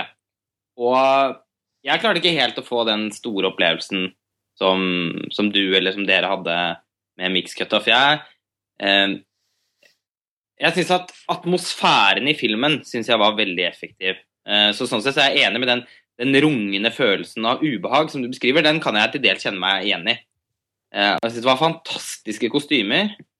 Eh, og et nydelig Altså bildeutsnittene til, til Kelly Reichardt og fotografen eh, var i, i Academy Radio-format. Jo, altså den var Det var noen utrolig bra ting der. Men for meg så var filmen litt sånn hul. Ja. Jeg synes at, jeg at den på en måte var Den var veldig konseptuell. Uh, og en veldig vellykket stiløvelse, men for meg så var den faktisk ikke så veldig mye mer enn det. da. Det er også veldig fascinerende, for vi snakka jo med en del folk i Berlin om, om den, og det virker som at Mm. eh, altså Vi snakka i stad om hvordan, hva slags folk, film folk liker. Mixed Cutoff er jo en veldig klassisk film som jeg liker. Kanskje ikke nødvendigvis når de er så langsomme som det den er, men jeg liker veldig godt filmer som ikke nødvendigvis har så ekstremt mye handling, men som har mer stemning og følelse av ubehag og ting som blir sagt mellom linjene, istedenfor at det sies helt sånn tydelig fram. Eh, og eh, veldig ofte så Hvis jeg på en måte faller for filmen sånn i første akten, så tillater, meg ofte, tillater jeg meg ofte å leve, veldig, leve meg veldig inn i det. Mm. Og så ble jeg på en måte veldig enig med seg at nå skal, jeg, nå skal jeg bare la det skje, liksom. Nå skal jeg la meg bli drevet med og bli liksom fucka da, av filmen. Uh, enten det er Donnie Darko eller det er uh, Mean Creek, hva som den vel het for et par år siden. Den amerikanske ja, den er bra. Ja. Altså Den type filmer som på en måte Hvis man går inn i sinnsstemningen, så vil den føles ekstremt ubehagelig. Hvis man på en måte velger å holde seg utenfor, så vil man falle ut. ikke sant? Og jeg tror Mix Cutoff er en sånn film som Det er kanskje også derfor det ikke kommer på kino, for det er så utrolig vanskelig å nettopp komme inn i det. Jeg gikk rett inn i den, og jeg på en måte valgte å gå inn i den med en slags følelse at nå skulle jeg bare la Killer Ryshad bare skape et ubehag hos meg. da. Jeg ønska å føle ubehaget. Og kombinasjonen av at jeg ønska å ha det, og at jeg følte filmen ga meg det, gjorde at det ble veldig intenst. da. Mm. Og så syns jeg Michelle Williams var veldig veldig god i den. Jeg syns kanskje, kanskje at det er hennes eh, ja, vet ikke, kanskje til og med hennes beste rolle eh, så langt. Fordi hun er så, Her er det så ekstremt subtilt. da. Og hun har så lite å spille på. Og hun har liksom bare ett kostyme, og hun har ikke så mye gimmicker å bruke. og Det er ikke noe sånn My Weekend Marilyn-aktig ting her. Det er veldig klinisk igjen, da.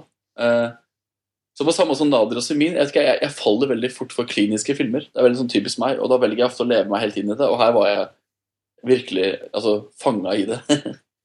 og Karsten, du, ja, du var jo med meg, så du husker Ja, ja. Jeg har, jo, har den jo på min liste også. Den, øh, den er jeg, er veldig, jeg har veldig sansen for det Kelly Reichardt holder på med. Eh, Jeg tror kanskje Wendy and Lucy for meg er liksom hakket over. Nå har jeg dyrket den filmen litt fram i løpet av årene som har gått siden jeg så den. Eh, Men Mix Cutoff har også det derre Hun er en filmskaper som ikke lar seg liksom affisere av hva nå enn det måtte være. Eh, Det er jo et veldig sånn pretensiøst yrke, egentlig, å være filmskaper. Og egentlig hele film i seg selv kan bli så liksom oppblåst. da. Og noen ganger syns jeg det er det beste i verden. liksom, herregud. Eh, Min favorittfilm i 2012 er jo Martin Scorseses 'Hugo Cabret'. så, så, så er alt annet enn det Mix Cutoff er. Men, men, men det, det Kelly Rashard da representerer, er jo den derre veldig kliniske, som du sier, nesten sånn, sant, sånn skalpellaktige filmskaperen som bare skjærer ut fra en eller annen stor masse sin lille form. Og den går, viker hun ikke unna. da. Og Mix Cutoff, når den inn, trer inn i sin tredje akt Og jeg tror det å se på kino er et veldig viktig element. Da tvinges du liksom mer inn i filmen. Jeg tror eh, Hvis man ser den på Gud forby en iPad, men liksom en TV og sånn, Det er så lett å ta på pause i en film som det er. bare for å Det kan jo ikke være kjedelig fordi den er dårlig, men bare den krever litt av deg. da.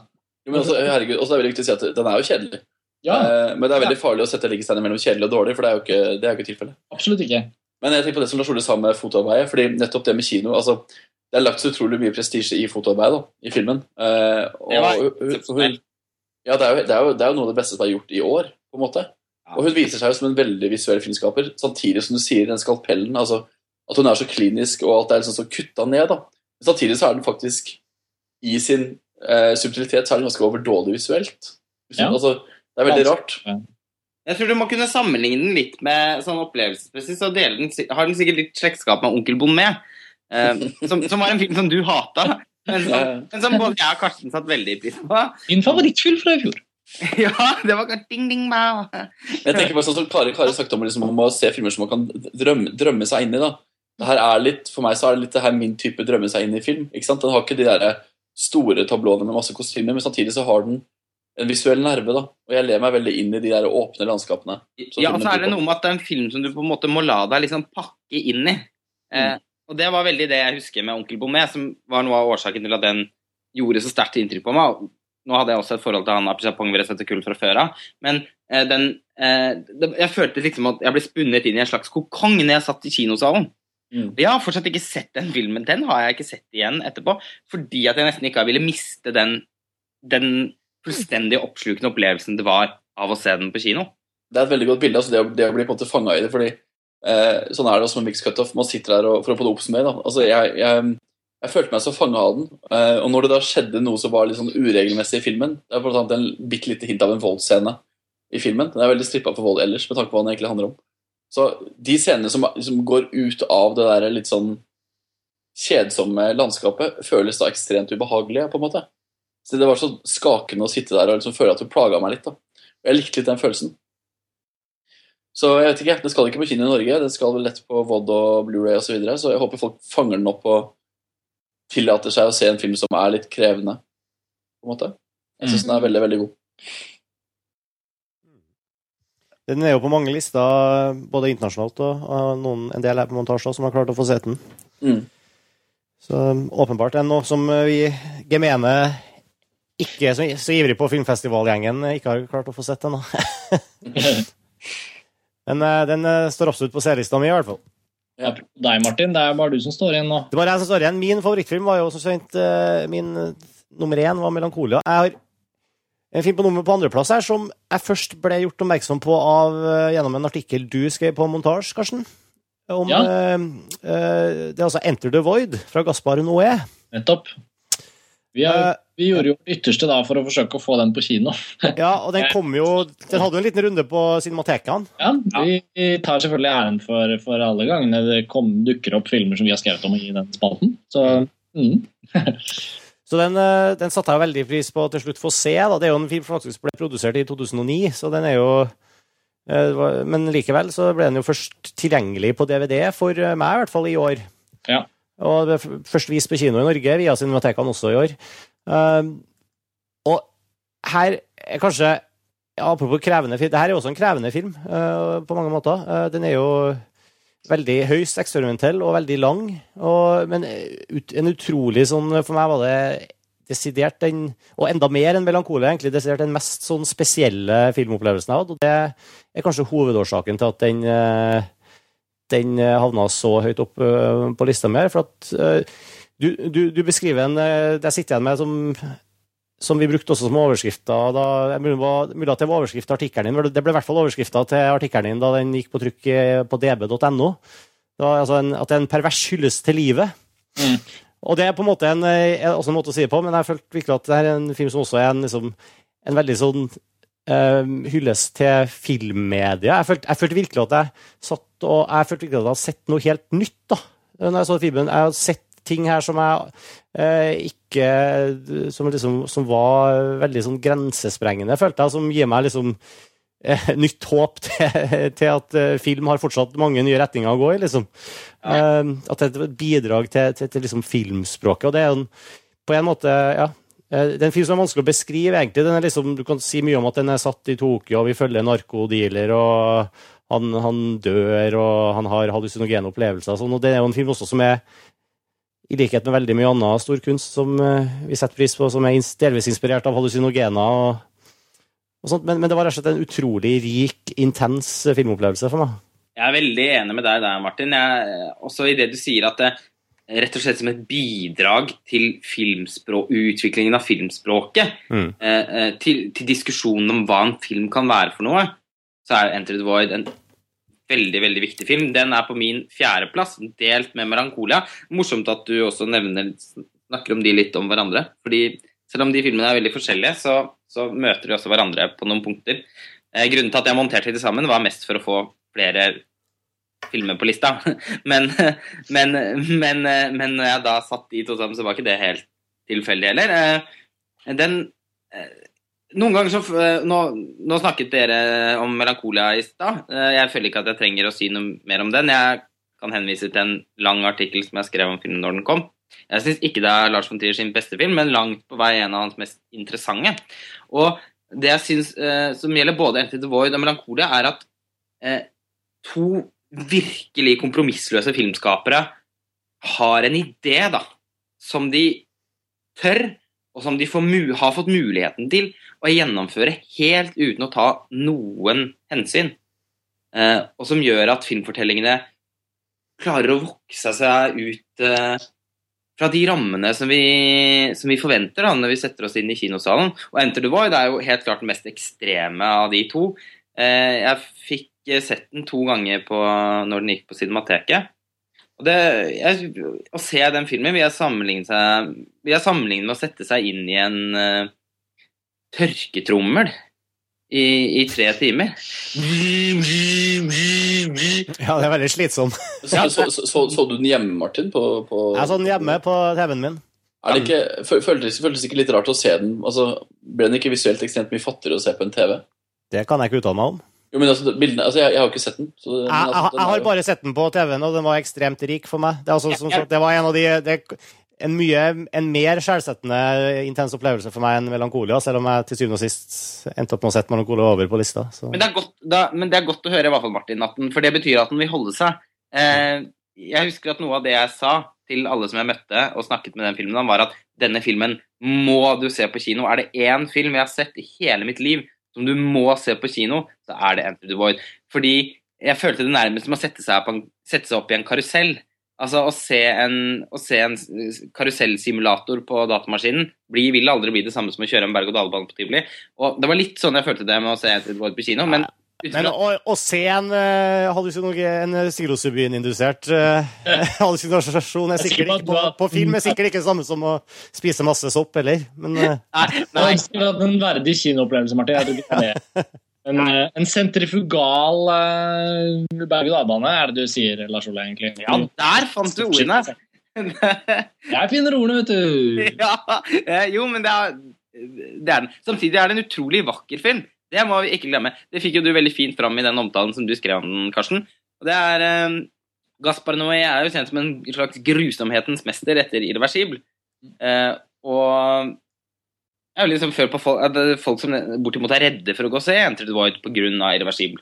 Det skal man ikke være, for dette Hovedsakelig er det jo en veldig, veldig vakker film, med et veldig vakkert budskap. Den er jo life affirming, Ja, det er det. ja, og det, det er ikke en jævlig film som du liksom ikke kan unsee. Liksom. Nei, nei, nei. nei. Altså, jeg, mener jo, jeg mener jo at irreversibel også er såkalt life affirming, som er dette fine norske ordet som vi bruker på mottak fordi vi ikke kan det norske ordet. Eh, jeg syns jo både jeg syns jo både Jeg syns de fleste filmene til Jeg synes de fleste filmene til Gaspar Noé er ganske livsbekreftende. Og livsbejaende, til og med irreversibel. Men ikke alene mot alt. Den er vel ikke, Ikke alene mot alt. Nei. Men, men eh, den stygge, hvis man skal snakke om estetikk og sånn, da, så er jo den styggeste filmen i år er jo på en måte Black Swan. Black Swan. Den er jo ikke altså Den har jo vakre ting, den òg, men den er sånn grov og sånn så grov og skitten. Den er liksom så Jeg digger det med den, men den er liksom det. Enter the Void skulle man tro at var det, men den ender jo opp med å være liksom sånn Det er jo bare maleri på maleri, og den er liksom Den er utrolig nydelig utført. og, og og den, min store overraskelse var jo hvor ekstremt følsom den var overfor karakterene. Særlig da skildringen av de to hovedpersonene som barn. med en ganske sentral sekvens midt i. Og selvfølgelig slutten, som på en måte bare er en slags sånn merkelig Gaspar Noé-aktig versjon av å gi publikum en stor klem. Og så, og så er det en sånn utrolig oppvisning i hvordan man liksom gjør en film magisk ved hjelp av eh, Ja, den har også utrolig mye datagenerert grafikk her, som på en Ja. måte blendes inn i eh, noe ja, helt utrolig cinematografi ellers også, på en, måte, på en måte som det er veldig, altså nå er det jo, nå er det jo Alle filmer har jo utrolig mye datagrafikk nå for det, men det, det føles ekstra spesielt her, da. at det er kamerakjøringer her som ville, selvfølgelig ville vært helt umulig å få til uh, uten uh, datagrafikk, og som vil få David Fincher til å bli misunnelig. Eh, det, er spesielt en kjøring hvor kameraet rett og slett bare stuper over hele Tokyo, og for så å gå opp i lufta og inn gjennom vinduet på et fly. Og så gå tett inntil et kvinnebryst for så å stupe ut igjen og gå ned på gaten i da en simulert, riktignok, tagning. da. Jeg synes også det er utrolig at filmen får til å ha filmhistoriens sannsynligvis, da, etter min kjennskap, aller første liksom, point of view-tagning fra liksom, innsiden av eggstokkene som tar imot på en måte befruktelsessaften holdt jeg på å si, fra det mannlige kjønnsorgan. Altså, det er helt utrolig hva den filmen tillater seg selv å gjøre for å på en måte få fortalt det den er opptatt av. Og det er jo ikke noe sånn grovt egentlig i det hele tatt. Det, jo, det høres jo teit ut når man beskriver det, men, men det at kameraet liksom bare velger å være akkurat der hvor du ønsker å være i alle scener i hele filmen, det er ganske imponerende i en så lang, kompleks film. Det er ikke noe tvil om at man står i fare for å høres ut som Aune Sand. eh, Jeg vet det, jeg, men jeg følte at jeg måtte si det. det er Ja, ja, ja, men jeg er helt enig med deg. Altså, når man sier at eh, det er på en måte befruktelsessaftene, men det blir vakkert. Og, men, men, men det gjør det, da. Fordi film Nå, er, er, er, nå er podcasten både ute på bablenivå og vi er på dyttvann, så tror jeg vi stopper der. Ja. Vi ja. Vi er stopper ved, Mm, Nydelig. Jeg må bare si, Det er kanskje mitt sånn, eh, virkelig det svarteste, svarteste øyeblikket i 2011 er jo det at jeg ikke har sett Enter the Void fordi jeg klarte å gå glipp av den på Cinemateket. Da har du befruktelsesafter befruktelsessafter i vente. Hurra! Er er er Gi meg, bare ti sekunder. Det, det bildet viser, det poenget med bildet, er ikke noen andre beskrivelser av det jeg sa. Det er akkurat det ordet. Det er akkurat det som er poenget i det bildet. Det var, det var ikke tilfeldig at jeg sa det. Jeg vet at det høres teit ut. Sånn, nå er jeg ferdig. Nei, det var ikke teit at når vi var over i bablelandskapet. Det er så kjedelig å høre på. men alle som ikke har altså, the er i hvert fall en helt uh, spesiell filmopplevelse. Og uh, man skylder seg sjøl å, å se en for, for det alene, enten man ender opp med å like det eller ikke. Mm. Enig. Det er jo, altså, Enter the Void og Black Swan og Melancholia er jo tre filmer som, og Nadia Simin står veldig høyt på alle montasjelistene, men det er jo et par filmer som også veldig mange andre på montasje har høyt. Ja. Vi også, som vi må ta, ta for oss. Absolutt. Jeg syns kanskje vi skal begynne med den filmen filmen som du endte opp med å eh, på en måte dytte tilbake ned i gjørma etter at eh, den havna høyt opp på alle sine lister her, eh, Erik.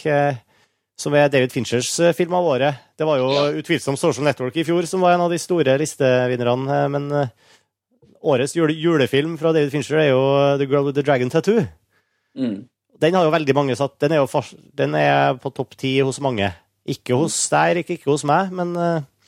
Det er jo veldig interessant. Det viser jo på en måte litt hvordan montasje fungerer. Eh, Jeg så den saken dagen før vi skulle, lage, før vi skulle publisere listene, og så gikk jeg hjem og så skrev jeg artikkelen om filmen i løpet av kvelden og natta etter å ha sett den. Og så publiserte vi da den saken om hvor dårlig jeg mener den filmen er, på samme dag som veldig mange montasjer har den på sin topp tre uh, for året. Og det viser jo på en måte litt bredden i montasj, da, og hvordan vi faktisk prøver å Ja, vet ikke jeg. Rendyrke litt den subjektive meningen på montasj, da. Uh, jeg syns det, det var litt morsomt. Ja, og det ble, vi har jo allerede Forrige podkast, selvfølgelig, forrige Filmfest-episode, handla jo i sin helhet om eh, The Girl with Dragon Tattoo, og da fikk, ble den jo nesten ubetinga ros. Eh, den fått jo veldig godt i smak hos alle dere som har vært og sett den. Det var Karsten og Lars Ole og Nei, Karsten og Lars Ole og Sivert og, Trond og Trond. Mm. Mm. Og få den på tredjeplass i år. I like Ja. Nå var du fjern, Lars Ole. Var jeg fjern? Ja. Ja, Nei. der er det. Ja. Trond, i likhet med meg, hadde, endte jo opp med å sette denne filmen på tredjeplass i år. Ja.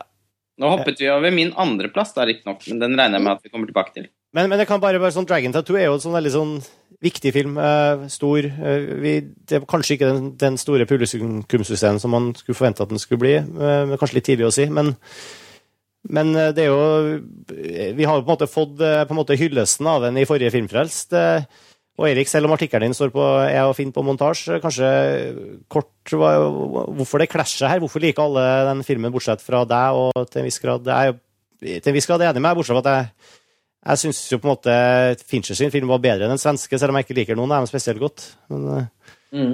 Nei, jeg kan jo øke, øke temperaturen litt Ja. eh, på podkasten ved å påstå hvorfor jeg mener at det er sånn på montasje. mm, Eh, for meg så er det sånn at jeg, jeg prøver så godt jeg kan til å bestemme og selv om jeg elsker en filmskaper, så prøver jeg å ha et kritisk forhold til hver enkelt film som en person lager. Um, og selv om det vi finner altså Når han går inn og lager en sånn film, så må det på en eller annen måte bli bra på et eller annet nivå. Det, må, det er visuelt til stede, det er velregissert, det er bra spilt.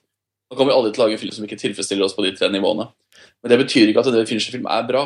Uh, og jeg mener at en film skal måles ut ifra ens egne ambisjoner med filmen. Og David amb- ambisjoner med uh, den filmen når ikke opp, rett og slett. Han er altfor uambisiøs.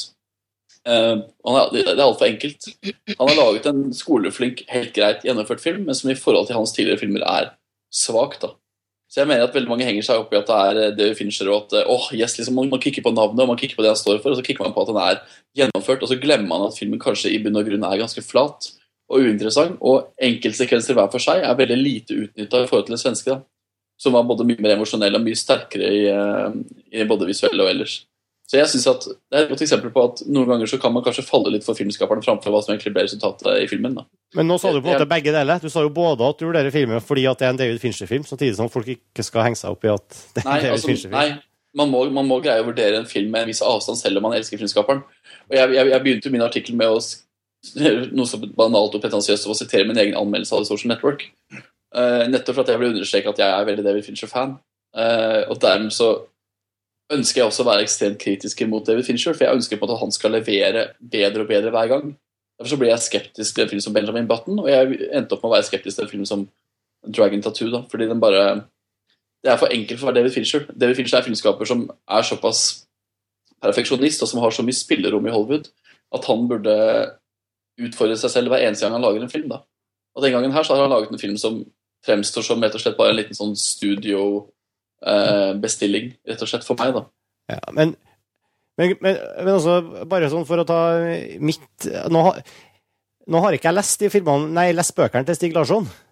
Men for meg så virker det opplagt, etter å ha sett både den svenske og amerikanske versjonen, at de bøkene er for dårlige Ja. eh, som grunnlag for en film. Og at det der hovedproblemet først og fremst ligger. Eh, Selvfølgelig at eh, de, man velger å lage film på en måte man gjør ut av dem, men er det noen som har lest de bøkene? Er de så dårlige som Mm. filmene eh, antyder? Jeg har, jeg har jo lest den første. Jeg må innrømme at jeg synes jo er, Narrativt så er de ganske kaotiske, syns jeg. Altså, for både den svenske og den amerikanske filmen er jo veldig sånn sprikende narrativt. Spesielt i første og andre akten i, i David Fincher sin, og første akten i den svenske. Uh, jeg vet ikke, altså den Jeg synes heller ikke at de er så Den første boka er ikke, så, er ikke så ekstremt gjennomført som han skal ha det til. Jeg syns han vil ekstremt mye, og så roter han den litt til. Rett og slett. Han blander for mye ting inn i, i handlingen. da. For for det jeg synes er så rart, for nå nå jeg blir, i forkant av eh, at Fincher-filmen kom, så tenkte jeg ja, nå skal jeg sannelig se de der eh, i gåsehudene TV-filmene som utgjør til sammen da trilogien. Det, vel, det ble, var vel kinofilmer, det òg, men altså eh, Den første, 'Menn som hater kvinner', er overhodet ikke noen TV-film. Nei, det, det, det er en god film på, en, på mange måter, kanskje. Men, men de, jeg satt liksom Jeg endte opp med å sette nesten mer pris på den der trilogien etter at jeg har sett de to andre filmene. Selv om liksom, det, åpenbart så er de, de to neste filmene i trilogien liksom, på mange måter dårligere enn den første, og litt sånn kjip. Men samtidig så syns jeg sånn, his, sånn historiemessig Den historien jeg får servert, det er den uh, Lisbeth Salander-figuren som jeg ender opp med å egentlig være det eneste jeg er interessert i når jeg ser det her. Uh, fordi alt andre blir så utrolig overfladisk behandla. Beste, Best eksempel er jo hvordan den der Blomkvist, eller et eller annet? Han, eh, Ja, han han- eh, hovedpersonen som er opp- tilsynelatende en sånn eh, eh, Stig Larsson-analog ja, ja. eh. Men, men eh, hvordan prøver, forfatteren har prøvd å sette seg sjøl inn i filmen på en eller annen måte. Men, men også eh, Lisbeth Salander-figuren blir vi veldig godt kjent med og får veldig mye spilletid i de to neste filmene, som, som gjør at jeg Og, og det Alt all den Wanger-familien og sånn, der ligger det ting, men det, som kunne vært interessant å få å liksom begrave seg litt i, men man får ikke, man får jo ikke lov til å gjøre det. Og eh, det gjør liksom at at, eh, at jeg satte pris på de, de to andre filmene i trilogien nesten mer enn jeg satte pris på den første. da. For meg er det veldig Eller det er ikke vanskelig å forstå, fordi man er jo forskjellig. men eh, det er veldig forskjellig fra sånn som jeg opplever det. Jeg, merker, jeg syns jo dere undervurderer kildematerialet veldig, da. Jeg syns jo den kriminalhistorien eh, er en av de mest potente kriminalhistoriene fra de siste årene. Eh, og jeg syns det ligger veldig mye i den. Jeg synes at dere, på en måte, Når dere snakker om den, så gjør dere den mye fattigere enn det den egentlig er.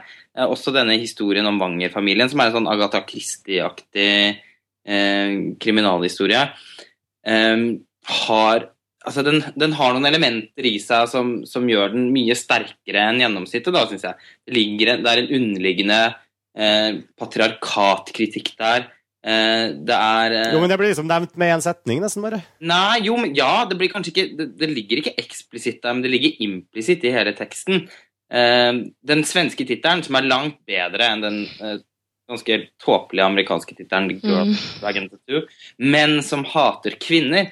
Altså, det er en av de mest forbilledlige og flotteste titlene som har kommet de siste årene, syns jeg. Og den beskriver filmen på en utmerket måte. Eh, det er faktisk en fortelling om menn som hater kvinner på forskjellige måter. Og eh, måten Stig Larsson klarer å både inkludere og implementere dette i et for meg veldig medrivende kriminalplott, som på mange måter minner om en film som f.eks. The Ghostwriter, som jeg også elsker, eh, fra i fjor. Eh, med også denne Lisbeth Salander-karakteren sin reise og hennes oppgjør mot et samfunn som har eh, gjennom hele livet begrenset henne. Eh, det, eh, det er for meg en ganske sterk fortelling, og jeg syns at det Jo, men- makter å gjøre den fortellingen enda sterkere enn det Nils Arden Opplev gjorde i sin film, som jeg også syns var vanvittig god. Jeg hadde den på min topp to- topp ti-liste i 2009, som var et sterkere år enn i år. Eh, men eh, jeg, jeg syns faktisk at David Fincher makter å tilføye enda flere følelser i den eh, fortellingen, fordi at jeg syns han gir Lisbeth Salander mer kompleksitet. I likhet med de fleste andre så var jeg også imponert over Noomi Rapace sin tolkning av Lisbeth Salander, men jeg syns faktisk at Rooney Mara er enda bedre. Jeg syns at hun tilfører, tilfører den karakteren en sårbarhet som gjør henne mer troverdig. Og i sum så syns jeg også relasjonen mellom hun og Michael Blomkvist kommer ut av tunnelen så mye mer resonant, i hvert fall for meg som tilskuer i Davy Finchers versjon. Eh, avslutningen eh, i The Girl with the Dragon Tattoo syns jeg faktisk er hjerteskjærende. Eh, Ja, men- men, i den svenske filmen er klønete. Ok, men eh, det er veldig fint. Så har vi snakket om podcast før. Jeg bare, vi skal ikke snakke så masse om Dragon Tattoo nå, for jeg har laget en lang podcast om filmen hvor dere får lov til å skryte av den i opp- og nedvendte. Eh, og nå har vi gjentatt det her også. Jeg vil bare si en ting som Martin poengterte, som var det Martin prøvde å si, og det er at eh, at en film har en god intrige og har en god karakter, betyr ikke at det er en god historie. Det er en klassisk misforståelse. Men som alltid kvinner har et veldig godt plott, og det har en veldig god intrige, og Salander er en veldig god karakter. Men historien er det vi snakker om her. Historiefortellingen er ikke spesielt god i romanen. Det er det som er problemet med, med Stig Larsson. Og det adopteres til lerretet, dels i den svenske, og etter min mening da også det Fincher, ganske krøkkete. Det er det som, det er det som på en måte, føler at Martin kanskje hinter litt til, at, at det er ikke en god historie, selv om det er en veldig spennende karakter og det er en spennende intrige. Og når da film nummer to og tre fokuserer mer på Salander, så blir det lettere å følge med på det. Fordi hun er en god karakter. Det er vel det som er oppsummeringa av hva Martin kanskje prøver å Ja, det er det jeg sier. Og så er- jeg litt uenig med Lars Ole. for jeg, i forhold til at jeg syns også 'Menn som hater kvinner' er en veldig god og liksom, fascinerende tittel. Men jeg skulle da også veldig gjerne ønske at filmen også handla om det, for jeg syns ikke den gjør det. Jeg synes den handler om altså De mennene som hater kvinnene, er karikaturer som man ikke dykker ned i det hele tatt. Filmen handler om kvinnen som hater menn som hater kvinner. Det er jo det finner, hadde vært den riktige tittelen på. Og det kan da kanskje da The Girl with the Dragon Tattoo. Ja, det har fått- Men det, er, men det er jo veldig morsomt at montasje er sånn at vi har det der spennet i, eh, i meningene våre. For at vi, får, vi blir ofte skyldt for å være litt sånn at alle er enige om alt. og vi altså De som ikke leser montasje, tror at vi bare liker smalfilm og alle mulige idiotiske varianter av hva montasje er. Montasje har ekstremt mye bredde, og det er veldig mye subjektivitet i montasje. Og hver eneste artikkel på montasje er først og fremst et uttrykk for den subjektive meningen. Og så er podkast et sted hvor vi prøver å møtes og krangle eventuelt, eller diskutere filmene ut ifra det. da. Og det er det som er spennende med montasje. jeg merker jeg, jeg blir jo nysgjerrig på hva du syns, Kari. Du Ja, skal jeg si det. Skal jeg dele min jomfruelige opplevelse her? Eh, Fordi jeg har jo faktisk ikke sett de svenske filmene, og jeg har heller ikke lest bøkene. Rett og slett fordi jeg bryr meg midt bak. Når de, altså Krim bryr meg midt bak, eh, sånn i all hovedsak. Jeg syns det er fint å se på TV. Men, og derfor så har jeg da, og da valgte jeg også, og i stedet for å gjøre en sånn klassisk Oi, nå skal være flink, se meg opp på alle filmene, så gikk jeg bare og så Girl with the Dragon Tattoo, og ferdig med det. Og i all hovedsak syns jeg det fungerte veldig godt som en spenningsfilm, som en thriller. Jeg kan være tilbøyelig til å være enig i det her med at uh, å ha en god intrige og gode karakterer ikke nødvendigvis gjør at det er en god historie. Men jeg syns, sånn, bortsett fra det, at, at filmen hadde en nerve, og at den satt så mye kule. Eh, bortsett fra tittelsekvensen og åpningssekvensen, som jeg syns var blodharry. Men det er jo kanskje smak og behag. Jeg syns den så ut som sånn litt eh, glatt vestkantskunst. det tror jeg vel kanskje egentlig Eirik er enig med meg er det ikke det? Jeg, jeg er veldig enig, og Lars Ole er veldig uenig. ikke sant? Så det er jo som sagt smak og behag. En litt sånn der James Bond, uh, uh, det kunne han spart seg. altså. Hadde passa bra på James Bond-film. Kanskje den feteste noensinne, da. Kanskje det var en slags eh, frieri for å Ja, nei, jeg vet ikke. Men hovedproblemet er vel sånn som Erik har gjort, at den har jo overhodet ingenting med filmen å gjøre. Nei, det har ikke med det. Nei. Nei, det, nei, det har ikke det. Um, jeg kom på andre ting jeg har å og det er jo litt, det er litt sånn varierende svenske aksenter. Jeg skjønner at det er forståelig når man blander amerikanske og svenske skuespillere, men uh, det virker jo litt påtatt av og til. Jeg syns jeg fungerte veldig bra. Mm. Så det, Ja, jeg også, jeg også syns det fungerte veldig bra, som jeg skrev i sakene. Okay. Men jeg, jeg vil bare, jeg bare eh, understreke at uh, The Girl with Dragon Tattoo gjør det jo faktisk ganske bra på kino. Ja, Har det, har, det, har, har det kommet fram i dag? Det kom en liten artikkel om det i stad som på en måte prøver å motarbeide litt at den, har- at den gjør det så dårlig på kino. Den gjør det egentlig ikke så veldig dårlig på kino viser det seg når man begynner å ta opp alle tallene. Eh, og i dag har jo studio også sagt at de jobber med en nummer to allerede. Altså det kommer en nummer to, da. Men de vet ikke om det blir David Fincher som skal ha regi på den, men eh, uansett så alle de andre skal jo være med, for de har jo signert på kontrakter og osv. Uh, så franchisen, Dragon Tattoo-franchisen, som de selger som i USA, er jo høyst levende. Og man må jo også si at prosjektet til David Fincher sånn overordna, hvis man ser på kritikerne, så, så er de jo fortrinnsvis positive, og publikum har jo møtt opp. Og sånn, så det her, det her er et vellykka prosjekt med allmenne øyne. Det jeg prøvde å si i starten, var at det er så interessant at David Fincher er en filmskaper som vi setter så utrolig høyt på montasje. Og derfor så bør vi også være tilbøyelige til å være ekstremt kritiske mot ham. da. men, Eh, men jeg er jo enig i at vi skal være kritiske mot David Fincher. Men Ja, ja, ja. jeg tror jo også vi har hatt veldig ulike opplevelser av denne filmen. Eh, jeg, at du sammenligner den med f.eks. Benjamin Button, syns jeg er helt utrolig. Men vi kommer ikke til å fortsette den diskusjonen om Girl Bank. Dragon Nei, vi, vi har snakka nok om den egentlig allerede. Ja. Vi har, vi har flere filmer vi må, vi må snakke om. Uh, for eksempel Tree of Life. Ja! Som, altså, vi skulle jo innom skuffelsene våre også. Det, det, det her var, det her var på en måte, Jeg bare innleder med å si det, så kan vi ta Jeg vet at det her var på en måte min skuffelse, for jeg hadde venta meg så utrolig mye fra denne filmen her, og jeg endte opp med å bare bli litt blasert i forhold til det, og følte at her fikk jeg veldig mye forsøkt dytta ned halsen min eh, med, med voiceovers og, og store bilder. Det ble, liksom, det ble rett og slett for mye for meg. mm. Eh, men, men det her er en film som, var, som er på alles lister. Den er til og med på min liste. Riktignok ganske langt Du var jo også på en kjempebra visning av filmen i Trondheim. ja, jeg Det var det skikkelig ræva visning. Liksom, eh, 20 minutter etter filmen begynte, så, så reiser dama seg foran Eller hun reiser seg ikke, da, men hun sitter der og sukker tungt. og bryter ut sånn. Når jeg ser, har sett på Brad Pitt en stund, så har jeg åpenbart forvirret seg inn i feil film. Så, Herregud, så stygg han er! Og så, og så tre kvarter inn i filmen så, sier jeg liksom høyt ute sånn Herregud, for en drittfilm! Men, så det ødela litt filmopplevelsen min, kanskje. Men, men uavhengig av det, så, så setter jeg pris på filmen pga. ambisjonen. Liksom. Det er åpenbart en utrolig ambisiøs film. Og det er kanskje og det, og det, det liker vi jo uansett. Ja, altså vi som, sånn som Lars Ole sa så fint i stad, det som vi eh, kikker på, er jo nettopp filmskapere som får å lage filmene sine fullt, fullt og helt. Mm. Uavhengig av publikums eh, Ja, ikke sant? Du sa det vel bra, Lars Ole. Eh, jeg må innrømme at jeg har True Life på syvendeplass, og jeg har sett den bare én gang, og det var i Cannes på denne visningen hvor vi kanskje ikke husker så mye fra, egentlig.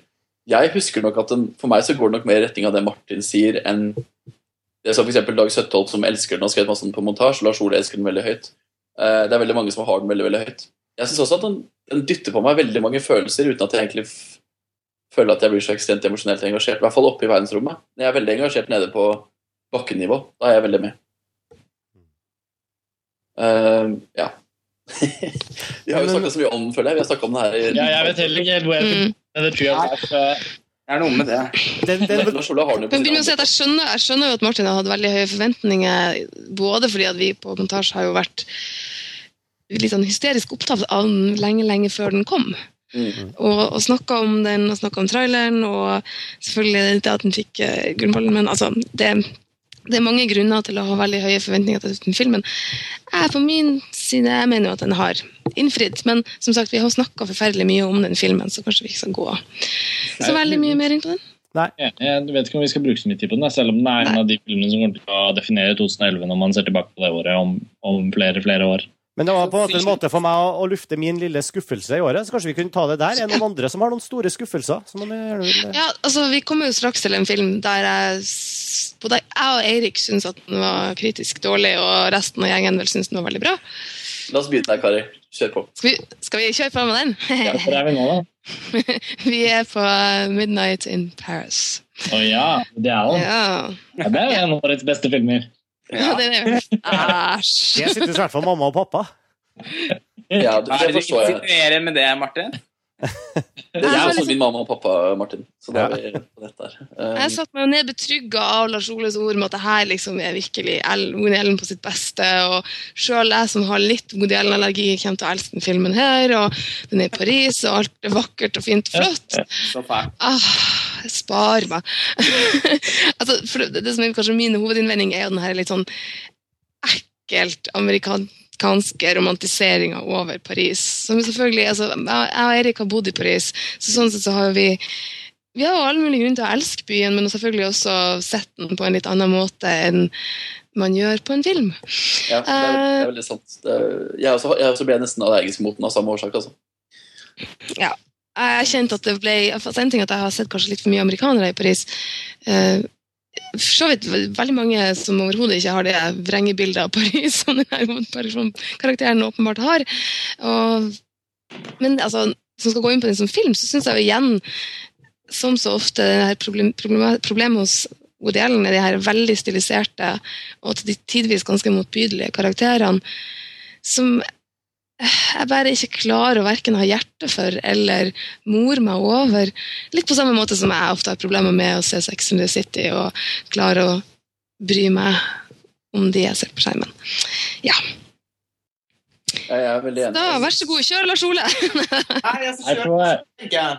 Hva da? Kjør meg? Nei, kjør hvem som helst. faktisk enda høyere enn meg, så nå syns jeg ja, ja. Lars Ole, kan du komme litt nærmere mikrofonen? Ja, jeg sier, Karsten har jo faktisk filmen enda høyere enn meg. Jeg har den på andreplass. Karsten har den på vi, skulle vel gå gjennom topp fem, skulle vi ikke det? Karsten har jo den her på en femteplass. Ja. Eh, Men eh, hadde du lyst til å si noe til det, Erik? Før Nei, jeg... jeg, vil høre, jeg vil høre ditt forsvar for Ja. eh, Nei, ja, hva skal jeg si om det? Jeg syns filmen er en veldig veldig treffende kritikk av ideen om Paris. Eh, den gjelder for mange andre steder man kan drømme seg borti òg, men jf. dette jeg sa om Nadros i, min, eh, i topplisten min, som du hentet inn, eh, Kari. Han ønsker seg noens eh, virkelighet i større grad enn Eller jeg ønsker meg noens virkelighet når de forteller meg noe på en film, heller enn en, en drøm. Uh, Midnight in Paris handler om en person som eh, må gå i møte med det faktum at man ikke kan leve sitt liv etter et- en drømmende realitet, men man må leve sitt liv etter livets egne realiteter. Og jeg vil jo si at Altså- filmen faktisk i løpet av sin handling bruker all den i hermetegn amerikaniserte vinklingen av Paris nettopp til å fortelle oss at all den tid man kan gå rundt i lysets by og la seg fascinere av den og tro at man er magisk i livet sitt ved å befinne seg der, så er det faktisk bare virkeligheten du står og går i som til slutt kan i det minste føles magisk hvis du tror det fins noe magi i livet ditt. Da. Du er der bare i den virkeligheten Ja, altså det, den, det den forteller, er jo den her litt sånn du kan på en måte, Den forteller jo det at det var, alt var ikke bedre før. Det forteller den definitivt. Jo, jeg, ikke bare det. Den forteller jo også at mennesket har en veldig sånn trang til nostalgi, som ikke bare er karakteristisk for vår tid. Eh, nå er det jo fryktelig nei. med retro og Fretex-butikker, jeg vet ikke hva, men noe som har eksistert i alle tider. Og det den filmen så treffende eh, liksom setter spikeren eh, på hodet på, da, det er hvor eh, at mennesket lar seg i en så sterk grad forføre av den tanken at vi også ender opp med å bli veldig forvirra av det, rett og slett. da. Ja, og distansert fra altså- eget liv. Men ja, Jo, men min kjære venn, det som skjer her, er jo faktisk at han til syvende og sist forlater, om du vil, eh, sitt liv som egentlig er å skal gifte seg med hun her litt sånn heslige amerikanske dama, og flytte tilbake til, eh, til USA og skrive for Hollywood. Men det han gjør, er jo å bli igjen i Paris og møte en ung fransk, eh, vakker, smekker dame som også liker samme nostalgiske musikken som det han liker. Eh, Så det er jo da, om du vil, bli værende i den drømmen, dog i nutida, ikke i fortida. La, ja, la meg foreslå to ting. da. For det første så tenker jeg at hans La oss eh, ikke glemme at Hollywood også er en såkalt drømmefabrikk. Altså Det er paralleller med det Paris han forestiller seg og det Hollywood han lever i. Og denne forloveden gjennom hele filmen, representerer jo for ham en såpass liksom, eh, oppkonstruert perfeksjon som er sammenlignbart med en drøm, at det at han faktisk velger, når alt kommer til alt, å si at det surret jeg har på en måte surret meg inn i, og som er forsterket av at han liksom drømmer seg vekk og reiser i tid og alt det der, det er egentlig bare tull. da. Egentlig så trenger jeg å befri meg fra alt det. Og jo, ok, det er et poeng der at han, han blir værende i Paris, og at han, at han eh, kan Han møter en ny drøm. Han gjør jo det. Han møter en ny drøm. Det er Heldigvis er det en åpen slutt. Vi vet ikke nødvendigvis hva det konkluderer til. Men jeg syns at filmen, selv om jeg ser det poenget ditt, og jeg kan ikke liksom si at jeg er 110% vanntett på det, men for meg så er det veldig tydelig at filmen ender opp med å kritisere veldig mye av det som filmen også da blir kritisert for. Eh, Og derfor opplever jeg at filmen kanskje um, Den Jeg syns ikke, jeg syns ikke den er like liksom, overfladisk og dum som, som den ofte blir kritisert for å være. Da. Jeg syns den er smartere enn det. Så, så, men sånn, det, dere snakker om er to ting. Dere snakker om hva som er Woody Allens ambisjoner med filmen, og det første jeg snakker om hva han ville med filmen. Okay? Og det andre er hva er budskapet dere sitter igjen med etter å ha sett filmen. Men det som gjør filmen dårlig, er jo at måten de er gjennomført på, er ekstremt enkelt og banalt. Og da, da er jeg uenig med det. Der må jeg si meg enig. Ja, og det er ikke for kritikk. Altså, ikke bruk som et virkemiddel for at det skal være banalt, fordi det er det filmen handler om. Det er fordi rett og slett manuset er såre enkelt. Altså, Den der forlovede karakteren er så endimensjonal, og, og foreldrene hennes Ja, er så endimensjonale. Og Marion Cotillard er så endimensjonal, og det visuelle i filmen er så endimensjonalt. da. Og for alle som har satt seg litt inn i Paris sin kultur, så er det til og med et masse feil i produksjonstegnet. Altså, det er masse, eller Filmen er veldig amatørmessig gjennomført, da, rett og slett. Den er skutt av min favorittfotograf gjennom tidene, og han gjør en dårlig jobb. Eh, altså, jeg, det, er veldig, veldig, veldig fint å snakke om hva han vil med filmen, det er flott, men det handler ikke så mye om selve filmen, og hva han egentlig endte opp med å gjøre. Så jeg lurer på, Karsten, du, du må fortelle meg hvorfor det er en god film. Ikke hvorfor du mener at han har en god ambisjon i filmen. Hva, hvorfor er det en god film i seg selv? Det lurer jeg på. Jeg, jeg opplever den som en veldig god film fordi den, eh, fordi den For det første så handler den om noe som jeg syns er veldig godt uh, formidlet. Eh, jeg syns jo ikke ting er end- endimensjonalt sånn som du opplevde det, så det, der er jo vi, da har vi forskjellige meninger om det. Jeg, Ok, men Denne, denne kvinnekarakteren, eksempel, denne forloveden, ja, Syns du hun er en kompleks og gjennomført karakter? Synes du hun virkelig jeg er synes det er viktig for at filmens poeng skal komme frem. Jeg syns at hun representerer det hun må representere som karakter for hovedpersonen. Eh, Jeg syns hun er for så vidt rimelig troverdig. Altså hun er, hun er en ganske sånn bortskjemt jente, og det reflekterer jo disse nok, ja, karikerte eh, foreldrekarakterene over på henne. men man ser tydelig hvilken familie hun er i, og hva hun representerer, og egentlig hvorfor han ønsker å forlove seg med henne. Det, er, det, er det, ser, det ser man de første to minuttene. Ja, og jeg første syns det fungerer for å gi oss det vi trenger vite om hovedpersonen, som sakte, men sikkert dras inn i det filmen da etter hvert egentlig handler om. Fra, jeg- fra, fra, fra, fra en filmskaper som faktisk lagde Annie Hall, altså karakteren Annie Hall.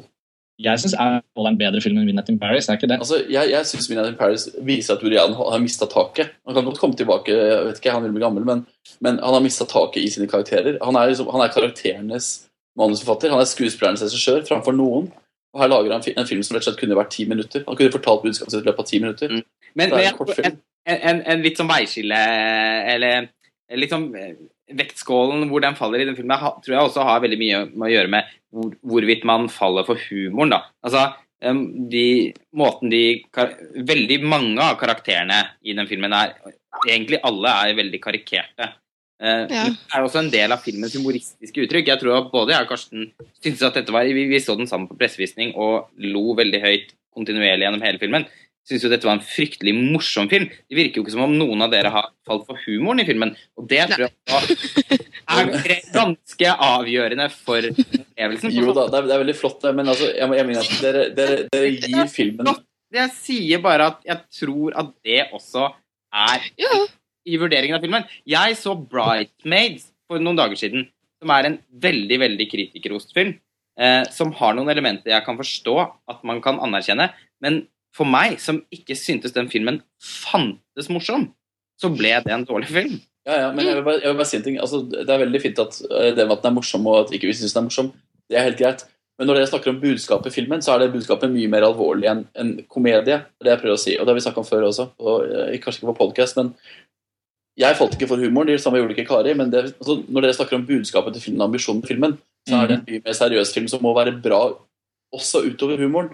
Og det er der jeg ikke kan godta at dere, dere, dere på en måte sier at alt skal være så enkelt. Hun skal være endimensjonal, fordi filmen er jo handler om at alt er endimensjonalt. Altså, det, det går jeg ikke med på. Fordi, Nei, la, oss, la oss gå tilbake til en av mestrene. da. La oss se på f.eks. Ja, Ibsen, som vi har snakka om før. Som jo gjerne hadde karakterer som representerte noen ting, men der de var langt fra endimensjonale. Det går godt an å, å, kombinere. ha, ja, å kombinere de to. De trenger, Vel, jeg ja. syns filmen handler om illusjoner. Eh, og på mange måter så kan jeg helt være enig i at Rachel McAdams' eh, forlovede karakter er endimensjonal, og at det er ikke en fullstendig liksom, tredimensjonal karakter og alt det der. Men for meg forstyrrer ikke det opplevelsen av filmen. Hun er en illusjon i hans verden. Hans verden er bare illusjoner.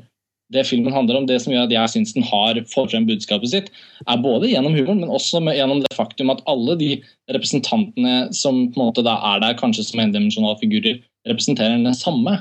En illusjon som han på en måte ikke kan leve i. Og der, eh, der syns jeg de lykkes, rett og slett. Ja, ja, men det, det, poenget det som skiller oss, er at du sier at han har gjort alt det som Kari og jeg kritiserer bevisst, som et virkemiddel i filmens budskap. Er, er det du sier. Og det er der vi er uenige, fordi Kari og jeg kritiserer og sier at vi syns ikke det er godt nok. Men du og Lars Ole mener at det er filmens overordna virkemiddel. Da. Det er det som er konflikten mellom det vi snakker om nå. Ja. Uh, og jeg mener at i forhold til det Woody Allen har gjort før, han har fortalt eh, lignende historier før, så har han gjort det på mye mer sofistikert vis. da. Jeg vil også si det som jeg sa i stad, om at det visuelle i filmen for meg er svakt. Altså, den er ikke spesielt pen. Den er ikke spesielt tiltrekkende visuelt for meg, da. Igjen en personlig smaksting, ikke sant. Men jeg synes det handler, handler det om at dere velger å tolke filmens eh, bruk av visse ting som et virkemiddel. Vi velger å se på det som en svakhet. Ja, det, tror jeg det, det tror jeg er veldig sant. fordi Jeg kan også være enig i det. Jeg syns også filmen eh, Den har en veldig sånn postkortaktig, ganske enkel estetikk. Eh, men jeg ilegger da det en mening eh, som er sympatisk for filmen. Fordi at jeg tenker at det er med på å framheve hva filmen forsøker å si. Mens for dere så fungerer det ikke For det fullstendig motsatt virkning, da. Ja. Og det tar jo bare syns, vi syns det var litt lame, rett. Hvis man først skal fortelle en historie om det den filmen handler om i Paris, eh, hvordan skulle man filmet den for at det skulle liksom vært uh, mer virkningsfullt? virkningsfullt? Det Hvordan? lurer jeg. Eh, For det første ja, liksom- treffe riktig tidskoloritt i scenografien. for det første. Jo, men Altså, sånne ting er litt korrekt. Men da blir man på en måte Jeg vet ikke, da, Det er jo ikke noen sånn Det er jo ikke en leksikonartikkel om Paris heller. Det skal jo fortelle Jo, jo, det er akkurat det, er akkurat det filmen er. Der, der, er der, der tar du faktisk feil, fordi filmen ønsker å fortelle et, et periodebilde av Paris. Filmen ønsker å fortelle om en person som drømmer seg tilbake til pe- periode. Og det er ikke Woody Allens budskap å vise at, at allting så feil ut. Nei, nei, men det er, Det er, så når filmen velger å faktisk Når Borealen går inn i filmen og skaffer seg en europeisk stab for å bygge scenografi i Paris Han han går til og med å gjenskape min favorittrestaurant i Paris, hvordan den så ut i 1870-tallet, og det er feil. Men hovedpersonen har en illusjon. Nei, Hans Paris Nei. viser nei, det er ikke derfor. Det er ikke, nei, nå, nå, nei, det er ikke sånn. Dessverre, Karsten. Det er, ikke, ja, det, er ikke, det er ikke feil fordi han husker det feil. Det er fordi at detaljene i scenografien er slett amatørmessig gjort. da. Og Det er ikke fordi han som amerikaner har sett feil bilde av det i en katalog eller har et postkortbilde av det. Det er ikke det det handler om. Det er gjort en del ting som er litt rart.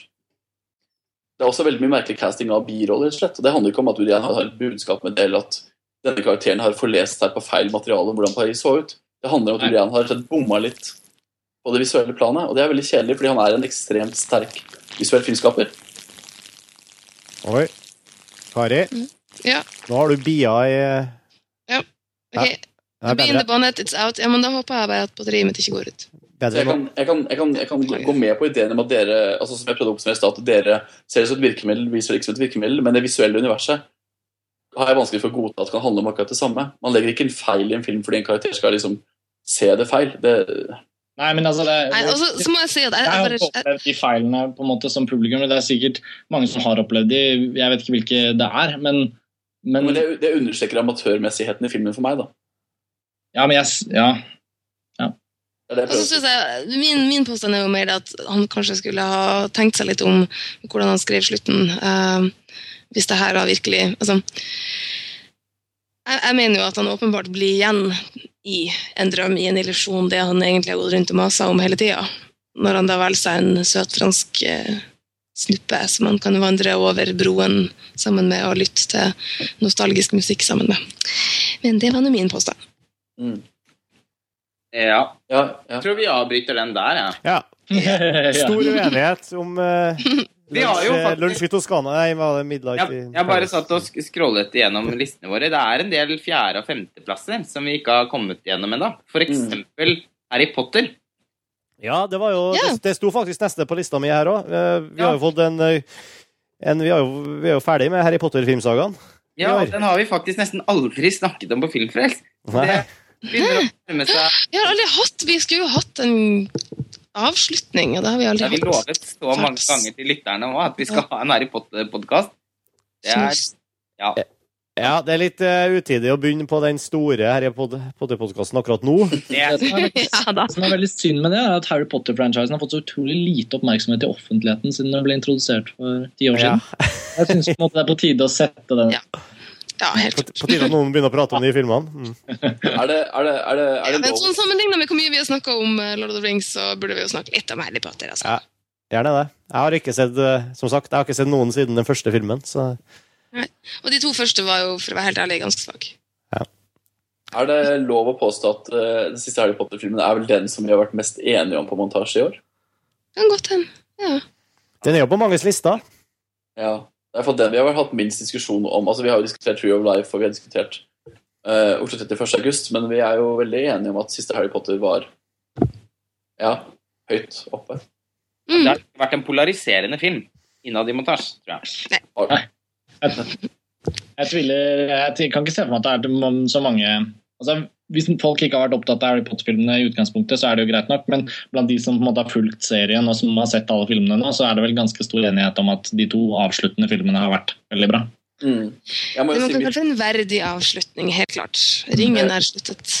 jeg, må, jeg må jo bare si at det, det som gjør at Harry Potter siste film er så imponerende for meg, for jeg synes jo faktisk, jeg har den på femteplass på min liste, eh, er rett og slett fordi at når du har en så stor franchise og så mye som hviler på dine skuldre som filmskaper, og du på en måte har hele altså presset da. Det har jo ikke vært større press på en filmskaper siden ja, atter en konge, kanskje. på en måte.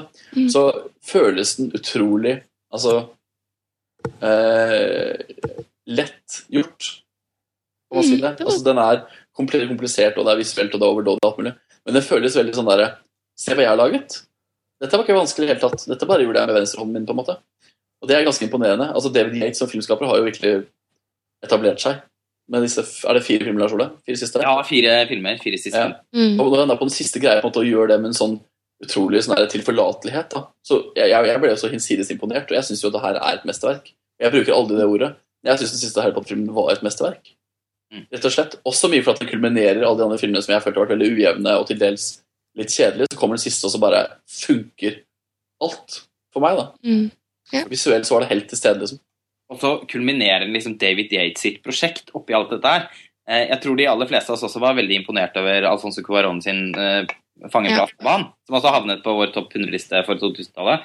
Eh, Men det David Yates gjorde etter en ganske skuffende fjerde film fra Ah, det var. Michael, var at han liksom Han tok noe av den visuelle rikdommen som fantes i Alfonso Cuarón sin film, og så begrenset han det litt.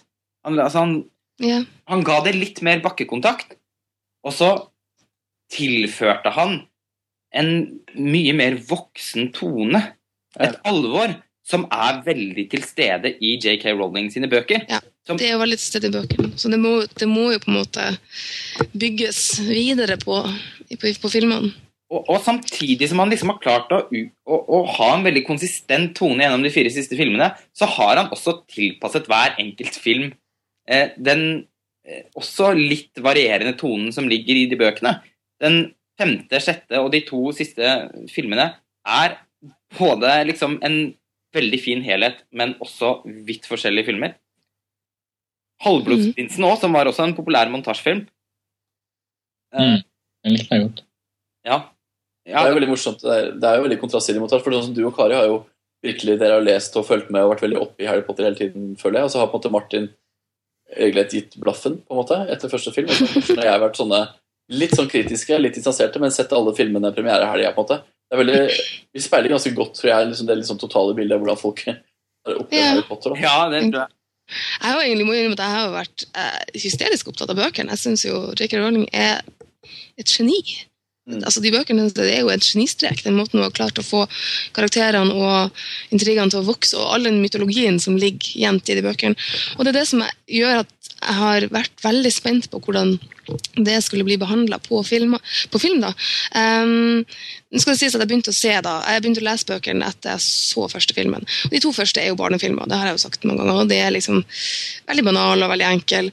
Men det er så fint å se hvordan da særlig Alfonso Cuarón og David Yates har fått filmene til å virkelig vokse sammen med at de har, altså, de har blitt mørkere, samtidig som intrigene har blitt mørkere. Men det er ikke bare fordi materia- materialet i seg selv har blitt mørkere. De har også klart å behandle det godt, rett og slett gjort god regi Mm. for å få det her til å fungere. For det blir jo etter, etter hvert ganske formidable bøker som skal kondenseres ned i en film. Jeg Eller er, to, som vi da med den siste boka. det er veldig, det du sier, veldig viktig det du sier der, med at det faktisk er veldig god regi. For er det noe som har blitt fryktelig undervurdert i de fire siste filmene, så er det David Yates sin regi. Mm. Jeg er veldig enig, og det er jo spesielt tydelig i den siste, fordi det er jo altså, Det rare er liksom, det, er, det skal inn så ekstremt mye i den siste filmen. Og jeg mener, det er jo kun hans regi som gjør at det føles uh, At det faktisk flyter, da. Ja, det er, Flyt, og det er helt utrolig. Jeg syns det nesten flyter bedre enn i bøkene, for å være helt ærlig. Altså, fordi det er så voldsomt mye informasjon å ta til seg. Særlig når man leser fryktelig fort og er veldig, veldig spent på hvordan det går. Um, men det, det er gjort så fint, og det er til, til og med lydarbeidet, jobbinga med musikken Den måten han klarer å virkelig dra det hele sammen, sånn at man virkelig får følelsen av å være tilbake på Hogwarts, er utrolig godt gjort. Altså. det ligger veldig mye eh, hos David Yates. Altså, det ligger jo ikke i Stephen Close sitt manus. Nei. Veldig kjedelig og tam manusforfatter. Eh, som, og som ikke minst er ganske dårlig på dramaturgi. Det er jo noe av det de fleste Harry Potter-filmene har lidd litt under. Sånn Mm. dramaturgi. Men i den siste filmen her så er det sånn som bare alt går opp i en sånn slags høyere enhet. Og det er takket være regissøren. Jeg syns det er merkelig hvor lite kred han får for dette her. Jeg synes også at eh, Han er jo en av regissørene som har fått skuespill til å funke best. Ja, ja, Mm. tvil. Og Det handler jo ikke om skuespillerne, for de har jo vært eh, til dels ganske crappy i visse regissørers hånd. Mm. Men de har jo vært veldig gjennomført og bra, spesielt de to siste med, med han. da. Mm. Eh, Men Karsten, du har jo også, du, du er et ganske identisk forhold til Harry Potter, vil jeg påstå. Ja, jeg føler meg forpliktet til å se dem som de kommer, og så var jeg overrasket da jeg begynte å like dem på den tredje filmen. og så er jeg liksom, ja. Jeg gikk glipp av en av dem, men jeg Ja, det sier vel litt at jeg ikke husker hvilken det var. Det var Jeg den tror femte. Det var den femte. Femte, ja, ikke sant? Fjerde, fjerde var jo Ja, Eirik får oversikten. Jo, men jeg, jeg tror det var den femte som har det beste anslaget av filmene, kanskje. Ja, Men, eh, men jeg, altså, jeg bare, det er så spesielt. Altså, det, er, det, er så, det er så nesten litt eh, respektløst å ikke snakke mer om David Yates når man skal anmelde Harry Potter. Og mm. det var jo veldig fravær av det både her hjemme og i, blant de store bransjeaktørene. og De store anmeldelsene så var det også veldig lite fokus på David Yates, annet enn at David Yates tar det hele i havn med stø hånd. på en måte. ja det er Det er, veldig det er så merkelig. Eh, Det er, det er så klassisk fantasy. Og Det var derfor det var så spesielt at Peter Jackson faktisk fikk en regissørskap for Ringenes herre. Fordi Han ble jo anerkjent på en måte som den type filmproduksjoner veldig ofte får. da. Eh, Jeg, jeg tror Harry Potter er en av eh, Oscar-filmene i år. Jeg tror Den, den blir nok nominert til beste film. Jeg håper det. Han fortjener det iallfall. Eller filmen fortjener det. Mm. Hadde det vært eh, rettferdighet, så hadde faktisk altså David Yates fått en reginominasjon. Ja, Som han ikke- dessverre ikke. Nei, det gjør han ikke. Så Martin, du har å komme deg på eh, VOD-sjappa på internett og leie siste Harry Potter. Skal jeg begynne på sisten? Nei, du må, du, to, du, må, du må se de to siste, da, for de er faktisk én film som er klippet to. Jeg har sett sekseren, syveren og åtteren. Og jeg, både jeg og Kari var jo også veldig begeistret for den første delen, som Eirik var litt mer kritisk til. Men Mm. eh, de sammen så utgjør de også en helhet. Altså Den første filmen blir også bedre i lys av den andre. Ja, jeg, skal, sette- jeg skal sette meg og se begge to eh, back back. Kari, du som er bokleser av eh, JK Rowling, er du også på Pottermore? Nei. Nei, vet, det har jeg så vidt jeg har forstått. Det er det der Harry Potter lever videre, selv om bokserien er offisielt avslutta. Ja, nei, jeg for- forholder meg til Rollings Rowlings Nei. verker, og så holder jeg det der. Ja, det er jo hennes Det er JK Rowlings exciting new, new website. Så jeg lurer på om det også betyr Ja, sånn, flere ja, filmer. ja. Det, nei, altså, hun, skal vel egentlig, hun skal vel egentlig skrive ut noen små karakterhistorier og, og by på litt skrevet- eller? Og skrevet noen av de små sidehistoriene. Eh, hun jobber jo med en ny uh, bokserie nå. Det. Det, det blir spennende å se. Tror du skal gi det på eget forlag, etter hva jeg har skjønt.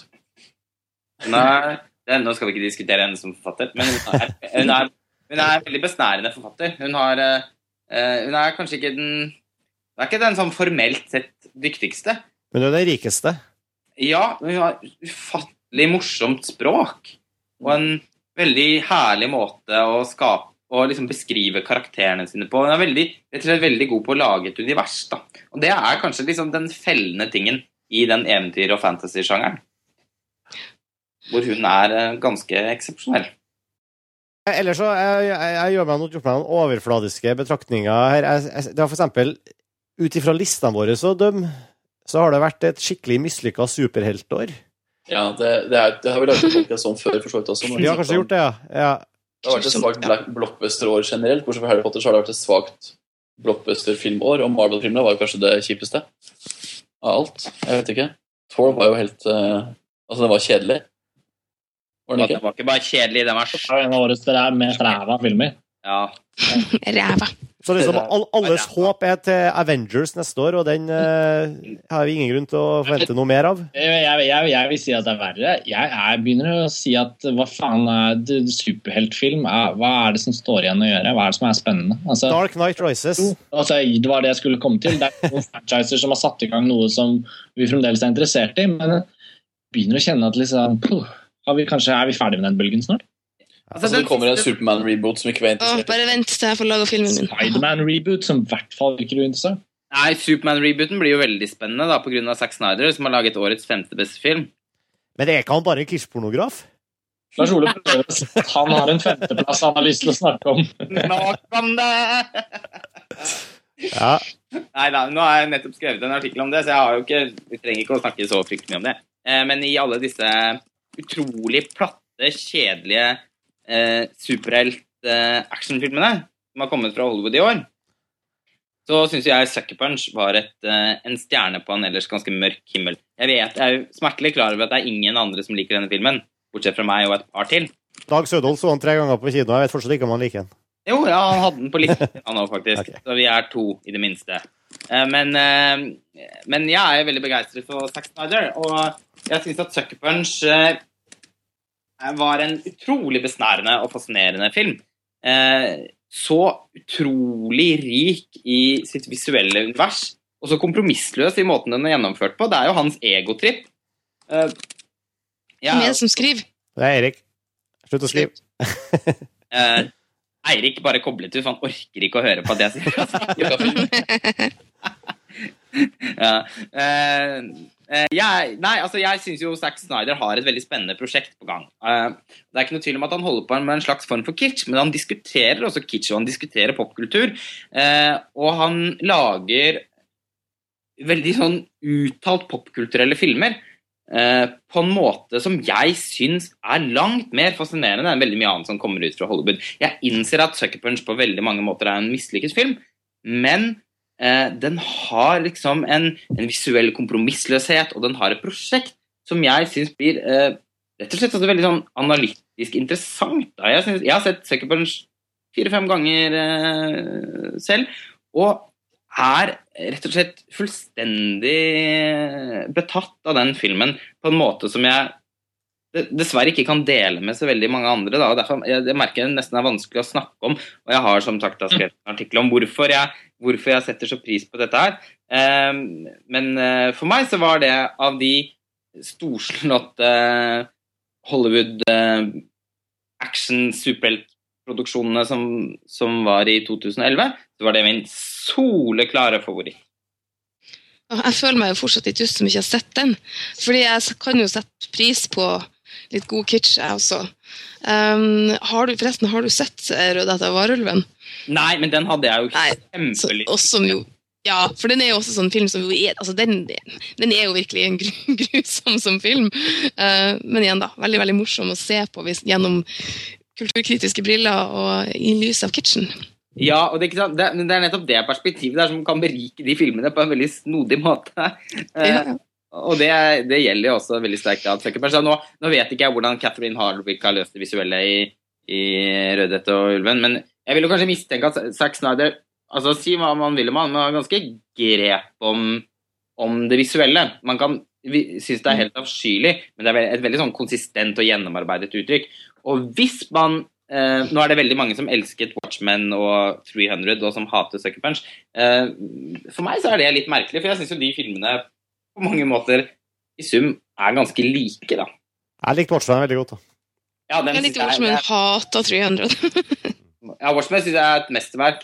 eh, Og det er ikke det. Jeg syns at Sucker Punch er svakere enn eh, Watchmen. Så gal har jeg ikke blitt. Men uh, likevel an acquired taste.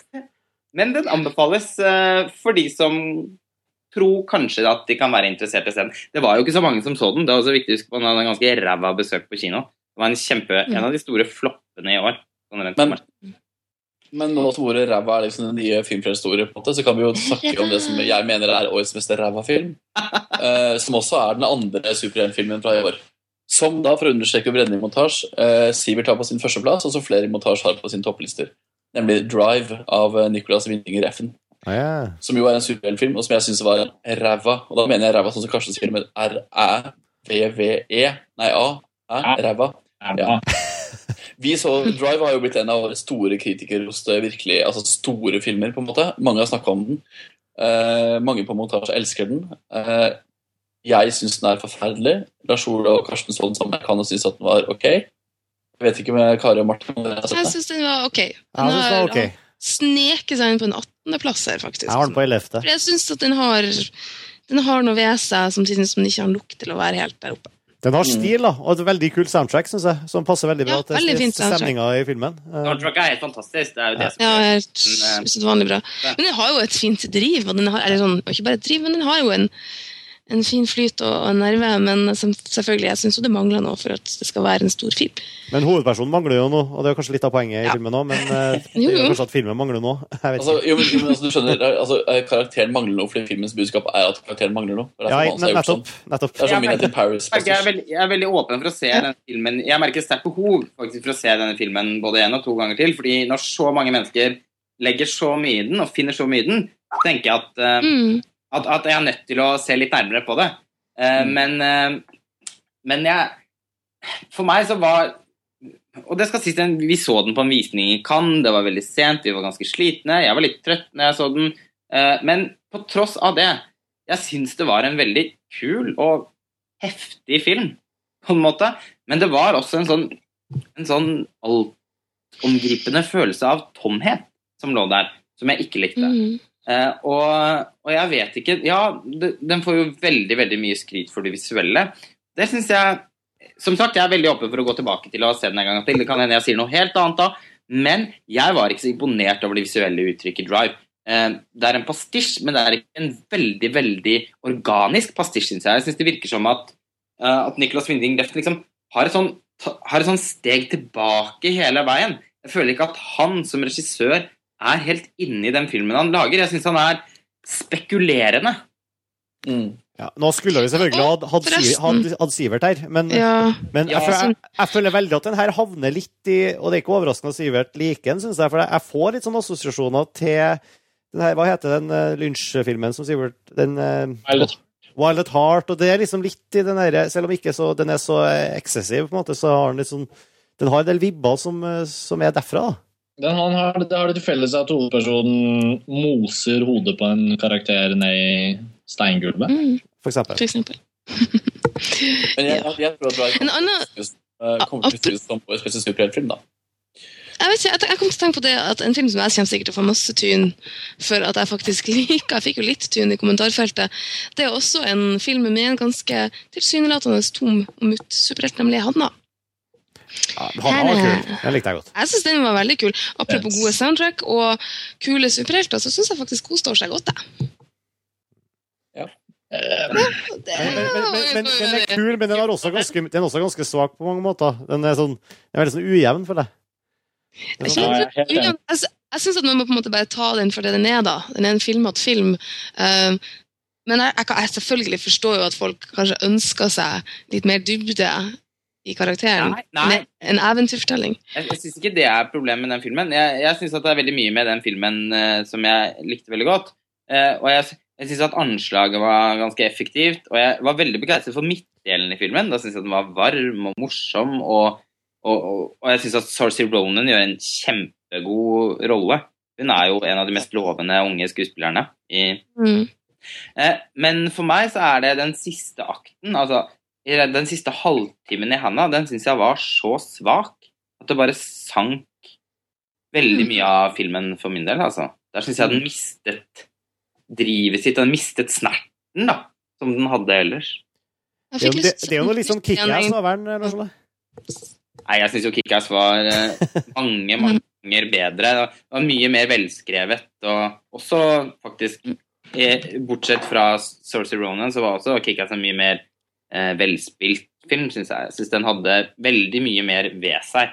Også som en sånn som eh, Kari snakket om i stad, når man har liksom et sånn popkulturelt produkt som man kan studere som et, som et, Mm. som et annet, så syns jeg Kickass var veldig mye mer interessant. Men det var jo en film fra året før. La oss kanskje vi heller ta da steget totalt over i den motsatte retning og snakke om en film som Jeg har ikke sjekka hvor høyt oppe den ligger hos dere, men som definitivt ikke er popkultur eller superhelter, nemlig Pina. Oi. Ja. Hva, sy hva, hva syns dere om Pina? Oi. Den er jeg veldig glad i. Mm. Ja, det er bra. Du tok meg på senga med Kari, for det merker jeg faktisk nå har ikke jeg vurdert godt nok i forhold til topplista mi. må jeg innrømme. Det slo meg nå. Eh, Jeg syns jo Pina var eh, veldig, veldig veldig bra. Herregud, hvor har jeg den på lista? Åh, Jeg har den som nummer fire, det der den skulle vært, vet du. Ja, da, da, må- du, da må du begynne, Kari, å fortelle. Å snakke. Ja, ja ehm, jeg har jo igjen, kanskje litt som en del av denne tematikken min for året, som er poesi på film, så, så syns jeg jo det er deilig å se en film som er da så rent poetisk. Eh, jeg mener at dans er dikt uten ord, i stor grad. Dans er et, eh, et fantastisk flott uttrykk. Eh, og jeg fikk jo veldig lyst til å gå og se noen av hennes oppsetninger. Pina Bausch sine oppsetninger. Eh, det som jeg synes er fantastisk med filmen, er jo også hvordan Invenders har utnytta 3D-mediet for å vise for å ta i bruk rommet, eh, sånn som man tar i bruk et rom det danses i. eh, hvor du virkelig føler at du er til stede inne i forestillinga og ser kroppene rundt deg. Og ja. Jeg syns det er veldig befriende at de ikke har gjort det til en dokumentar om Pina Bausch, selv om hun døde eh, etter at Wim Wenders hadde bestemt seg for å lage film eh, om hun, eller basert på hennes oppsetninger. For de som ikke vet det, Pina Bausch er en tysk koreograf. Så, eh, og heller la hennes oppsetninger faktisk stå for seg sjøl. La dansen stå for seg sjøl. Det syns jeg var en stor befrielse. Mm. Jeg har, den på 20.-plass, delt med The Help, faktisk. Må, det, som Kari sa om 3D, er jo veldig riktig. Altså, at den er, den, altså 3D er kun det virkemidlet som henter deg inn i uh, Hva var det du kalte det? Altså scenen, da. Dansescenen. Inn i rommet. Ja. Ja, inn, ja, ikke sant? Uh, jeg må jo si sånn som deg. altså Poesi på film er veldig vakkert når det gjennomføres. og det her var på en måte ikke en filmopplevelse som en klassisk narrativ. Det var bare en bruke lerretet på en helt annen måte. Jeg syns det var så utrolig fint. Og det, for meg så er det en av de store, fine opplevelsene i 2011. Jeg skulle nok hatt den høyere enn det jeg har, merker jeg. Jeg tenker over det nå. Men um... Jeg vil bare som en sånn bikommentar også, Den skrev han forresten om. Jeg anbefaler å se 'Dancing Dreams', som jo er en ren dokumentar eh, om en oppsetning av Pina Bausch. Den finnes som en sånn tilleggs, tilleggsfilm for de som skulle bli interessert. Så den herre den her Black, Black Swan. Black Swan Ja, dans. Vi har slutta sirkelen her med poesi og dans. Ja da. Der vil du også plassere kameraet ut på dansegulvet. Ja. en, en annen film som, på, som også var veldig poesi, poesi på film for meg, var Jørgen pluss Anne Alexand, som jeg er på åttendeplass. Som er den eneste norske jeg har på min topp 20. Eh, og det er vel egentlig bare Jørgen pluss Anne og Oslo 31. august som er på topplisten, tror jeg, på montasje. Er det andre norske som er eh, Nei, det er jo mm, på tide å ta tak i de norske Så 31. filmene. i år, ja. august. Mm. Ja, Ja, er det. er de er to, på en måte. listene til eh, meg og Trond, i hvert fall. Hva? Hvilken? Hodejegerne. Ja, ok, Ja. nettopp. Da er det de to som figurerer på topp 20-listen vår i år. Eh, Men jeg- yes. Men jeg jeg, syns Jørgen pluss Anne var en veldig god film. Jeg har den på åttendeplass, og det sier også ganske mye, for min topp ti er ganske streng. For Jeg har også sett veldig mye film i år. Jeg syns Jørgen pluss Anne var den beste barnefilmen jeg så. Og egentlig den beste ungdomsfilmen jeg så, uavhengig av eh, alt. Og også den beste vennskapsskildringen jeg så i 2011. Uh, ja. Nei, jeg kan ikke gjøre noe annet enn å bare bifalle det du sier. Nå endte Jørgen pluss Anne Alexand på en ellevteplass hos meg. Eh, men den kunne like så godt havnet på, på topp ti. Jeg syns også det var en fantastisk god film. Eh, den suverent beste norske filmen jeg så i 2011. Mm. Helt enig. Akkurat de samme årsakene som du nevner der. Og ikke minst pga. Anne Sivitski sin regi, som var så sprelsk og kreativ og innfallsbasert, men eh, samtidig med en veldig kontroll. Da. Den var, eh, mm. en nydelig film. Nå minner dere meg på at jeg burde se den. Jeg har ikke sett den, eh, men det er faktisk litt fordi at jeg var i motsetning til veldig mange overhodet ikke begeistra for Sykt lykkelig. Men uh, meg om det. det her er jo her er en veldig annerledes film, på en måte. Ja, ok, bra. For det var nok Mm. mye som ikke nødvendigvis lå i regien der, som jeg hadde utsett på Sykt. Det er jo noe av det som gjør eh, Anne Sewitsky til en ganske spennende regissør, er jo faktisk eh, kontrastene mellom Sykt lykkelig og Anne Jørgen pluss Anne. liksom. Mm. Nå var det sk- skurring, skurring på Kari. Kari, bare trekk inn og ut. Ok, inn og ut. eh, Anne Sivitski i det hele tatt en veldig spennende år. Med, nå kommer riktignok Sykt lykkelig på tampen av fjoråret, da, men eh, det siste året i det hele tatt som hun har hatt, da, med Sykt lykkelig, koselig med peis, Jørgen pluss Anne er like sant, det er imponerende. Mm. Det er veldig imponerende. Eh, Det er også viktig å understreke at det er to ganske solide manus som ligger i bunnen på både Jørgen Brisanne og Sykt lykkelig. Fordi eh, Det det skorta på for meg i norske filmer i 2011, var gode manus. Og Camilla Krogsveen sitt manus på Jørgen Brisanne og Ragnhild Tronvold sitt manus på Sykt lykkelig er veldig, my, veldig mye av den kreativiteten vi snakket om, tilhører ikke Anne Sivitski, den tilhører manuset, på en måte. Eh, spesielt mange sånn merkelige underfundighetene. Og karakteren i, altså den der Agnes Kittelsen-karakteren i Sykt lykkelig er veldig gjennomført, og det er det manuset som står for. Eh, det er en manusfilm, på en måte. Så det, det dukka opp to kvinnelige manusforfattere i 2011 som vi skal ta med oss videre i bakhodet. Nei, men, altså, vi har jo, vi har Men jo, tilbake til året, kanskje. Ja, vi har, vi har jo snakka mye om uh, Oslo 31. august, og via en hel filmfrelse den. Og, nei, Oslo 31. august. Oslo 31. Jeg syns jo eh, og, ja, jeg synes jo dere er strenge med den filmen på, på, på, på listene deres òg, men, men, men 'Hodejegerne' er litt sånn Den var jo den store publikumssuksessen, har jeg skjønt, på, på kino i Norge. Men, men det jeg synes det, var en, det synes jeg var ganske jævlig. Eh, som, som Jeg har ikke giddet å sett den, men jeg har igjen med Jeg har min ikke- interesse. Jeg ville se den, men jeg har ikke fått sett den fordi jeg dro til New York. så jeg, ja. Vel- Men- det er Lars, Lars Ole jeg som har sett den. da. Eh, Lars Ole sidesilten med Oslo Hva gjorde du ikke her, Lars Ole? Jo, det gjorde jeg. Ja. Mm. Ehm, eh, for i likhet med både Karsten og Eirik, så var jeg også ganske skuffet over Oslo 31. august. Ja. Ehm, men det blir en sånn Det blir på nivå med, med Eirik sin David Fincher-skuffelse, holdt jeg på å si. Ikke. Joakim Trier på linje med David Fincher, men, eh, men eh, Reprise er en av mine absolutte favorittfilmer. Eh, og jeg hadde veldig, veldig veldig store forventninger til Oslo 31. august, som den rett og slett ikke klarte å oppfylle. Og det handler ikke bare om mine forventninger, det handler også om at eh, for meg så er den som dere Dere hadde jo en podkast om dette her, og jeg kan, tror jeg bare kan skrive under på veldig mye av det som ble sagt der. Den, jeg føler at det er en film som har et, et lavere ambisjonsnivå enn reprise, og jeg er generelt veldig uenig i vurderingen av at Oslo 31. august er en mer gripende og resonant film enn, enn reprise. Det syns jeg ikke. Jeg syns faktisk den er langt kunstigere eh, og, og, og på en måte mer krøkkete på noen punkter enn det reprise er.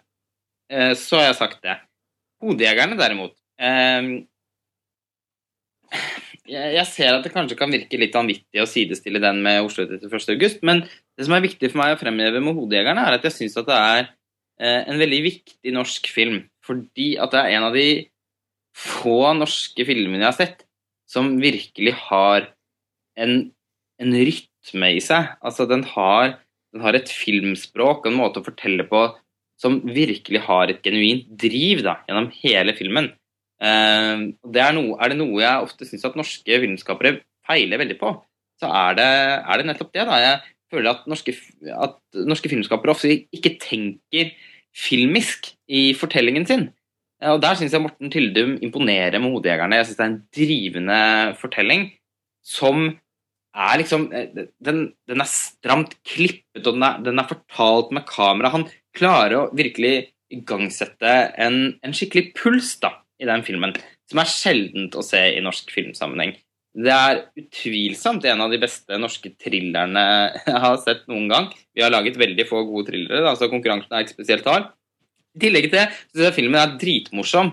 Eh, Den har en sånn sardonisk tone gjennom hele filmen, mye takket være en fantastisk god Aksel Hennie. Jeg har aldri vært spesielt stor fan av han, men eh, ble veldig tatt på senga av, av rollen han gjør i 'Hodejegerne' som Roger Brown. Eh, og Det handler kanskje noe om at for en gangs skyld så har Aksel Hennie blitt typecasta. Dette her er jo rollen han er født til å spille.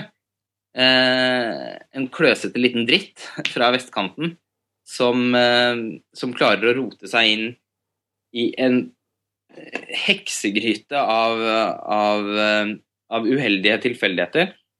Og det er ikke en, det er ikke en dyp film. Det er ikke en det er, det er, Plottet til Jo Nesbø er på ingen som helst måte fantastisk eller overraskende, men jeg syns den er veldig, veldig kløktig gjennomført. Jeg syns det rett og slett er et stykke makeløs underholdning. Mm. Jeg, jeg har jo ført den opp på mine fem skuffelser for 2011. Eh, og Det handler jo ikke om at det er en dårlig film, for det er jo ikke en dårlig film. Det er en, uh, det er en god film. Og alt det du sier er på en måte Selv om jeg, jeg syns ikke at det er en kjempeinteressant film, jeg synes heller ikke at den er For meg så er den ikke sånn kjempe, kjempebra. Men jeg er veldig enig med alt du sier ut ifra at den, den, den gjør det den skal gjøre. Uh, men jeg hadde jo håpa at det her skulle vært en thriller. Jeg føler at det har blitt en farse. At Det har blitt en komedie. En litt sånn rotete komedie, men med ganske mye blod. Og det er litt sånn der britisk 90-talls-action, på en måte. Føles det mest for meg, da. Eller Cohen-brødrene, da. Jeg synes jo Ja, jo, men, jo, men, da, jo, men ja, da er jeg jo enig, da. For det, da hadde da hadde den på, på meg, for meg så måtte den ha vært mye mer sofistikert, mye mer karakterdrevet og mye mer visuell. da. Jeg synes at den er litt sånn, den er liksom alt mulig rart. Men samtidig så, det her er jo virkelig filmen som har treffet publikum. Den er på sett av 550 000, tror jeg, i Norge. Og det er jo en blockbuster, ikke sant? Og og det, jeg, mener, jeg, jeg er en sånn skuffelse utelukkende fordi jeg synes at jeg hadde håpet at det var noe annet, altså ble jeg skuffa. På samme måte som at Oslo 31. august var en skuffelse fordi jeg håpa at det skulle være langt mer. Ikke sant? Mm. Men det er veldig vanskelig å avfeie 'Hodejegerne' som en dårlig film. Nettopp for det du sier, da. Jo da, jeg avfeien som en dårlig film.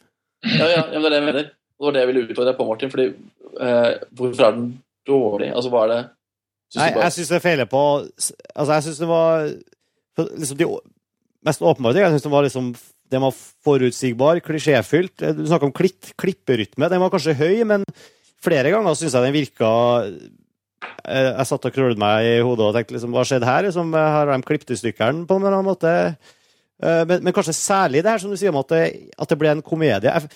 Det føltes veldig anstrengt. Da. Den var veldig ivrig på å skulle skape sånne bisarre, morsomme Dere kalte det Cohen altså Kanskje sånn Cohen-øyeblikk, da, men for meg så ble liksom de her påklista, sære karakterer, figurene, og volden ble veldig påklistra. Alt føltes veldig påklistra, jeg, jeg falt rett og slett ikke for det i det hele tatt. Jeg klarte liksom ikke å Jeg satt egentlig bare og rista litt på hodet mer av hele greia. Mm. Mens jeg så noe, det Ja. Det gjorde oss Ja. Men, Mm, men hva, ja. Balans, men den balansen mellom humor og, og, og suspens, den er jo den er veldig vanskelig. Og, og for meg så lykkes Hodejegerne veldig godt med det.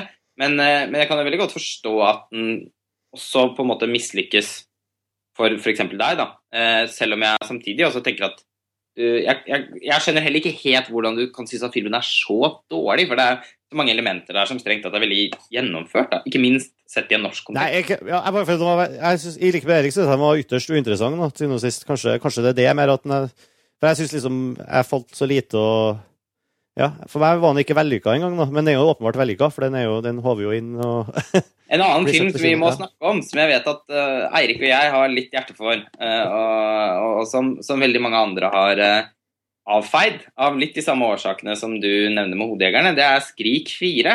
Ja. Beklager, men den har ikke stått høyest på lista mi over filmer jeg måtte se. Nei, det skjønner jeg jo, for den har jo ikke fått så veldig flott mottakelse. Det er også en film som kombinerer spenning og humor. På en måte Ja. som falt eh, ti Falt langt ned i kjelleren for veldig mange, men ikke for meg. Jeg syns den var fryktelig morsom, og eh, faktisk ganske spennende på sitt vis. ja, og så er den jo veldig ærlig. Altså, Den er utrolig ærlig på hva den skal være, og det er det som er så morsomt med hele Scream- Scream-kvadrologien, er jo at alle filmene har vært veldig ærlige på hva de ønsker å være. Altså, det er, og det her er jo bare Den er teit og goofy, og den har, den har en av de beste scenene fra 2011. Det har den. Det Som er en karakterscene som er helt utrolig, som vi burde legge ut på montasje om kanskje et år som flashback. For det er skikkelig skikkelig bra, liksom, og den scenen er verdt i filmen. Men det er, det er en ekstremt ærlig og lite pretentiøs film. Ja. Altså, den er bare Jeg syns også at den var skummel, og den var veldig morsom. Jeg lo skikkelig godt av den. Den er kjempefunny, og den er men den er så selvbevisst at det er liksom Du må bare, som du sier, den er så goofy at man, Ja. liksom, man må svelge ganske mye skum for å, for å være med på dette her. Men du, det er liksom de andre Skrik-filmene ganger ti i liksom selvbevissthet. Det er Mm. meta, meta, meta, meta. Den gjør latterliggjør seg selv for at den er så meta, samtidig som den legger på enda et element av Altså, den er Men den filmen har jeg allerede sett. Er ikke det en scary movie? Er ikke det nettopp det den gjør? Jo, Nei, men nei, for, ja, men nei, Scary Movie er jo ikke, er jo ikke uh, intelligent. Det er jo Scream-filmene. Det er jo kontrasten. Scary Movie er, har jo ingen intelligens bak eh, altså Manusforfatteren har jo ikke intelligens. Det har jo derimot Scream. Ja. med Kevin Williamson uh, som er tilbake på manus da, på Skrik Mm. 4, som jeg syns merkes veldig godt, selv om det har vært mange konflikter i den prosessen der. Så er Eh, det masse finesse i den. Altså, den, er, den er smart, da, rett og slett. Det er jo ikke Scary Movie. nei, og så er det ikke en gammelmannsfilm. Altså, West Craven han begynner å bli en gammel gubbe.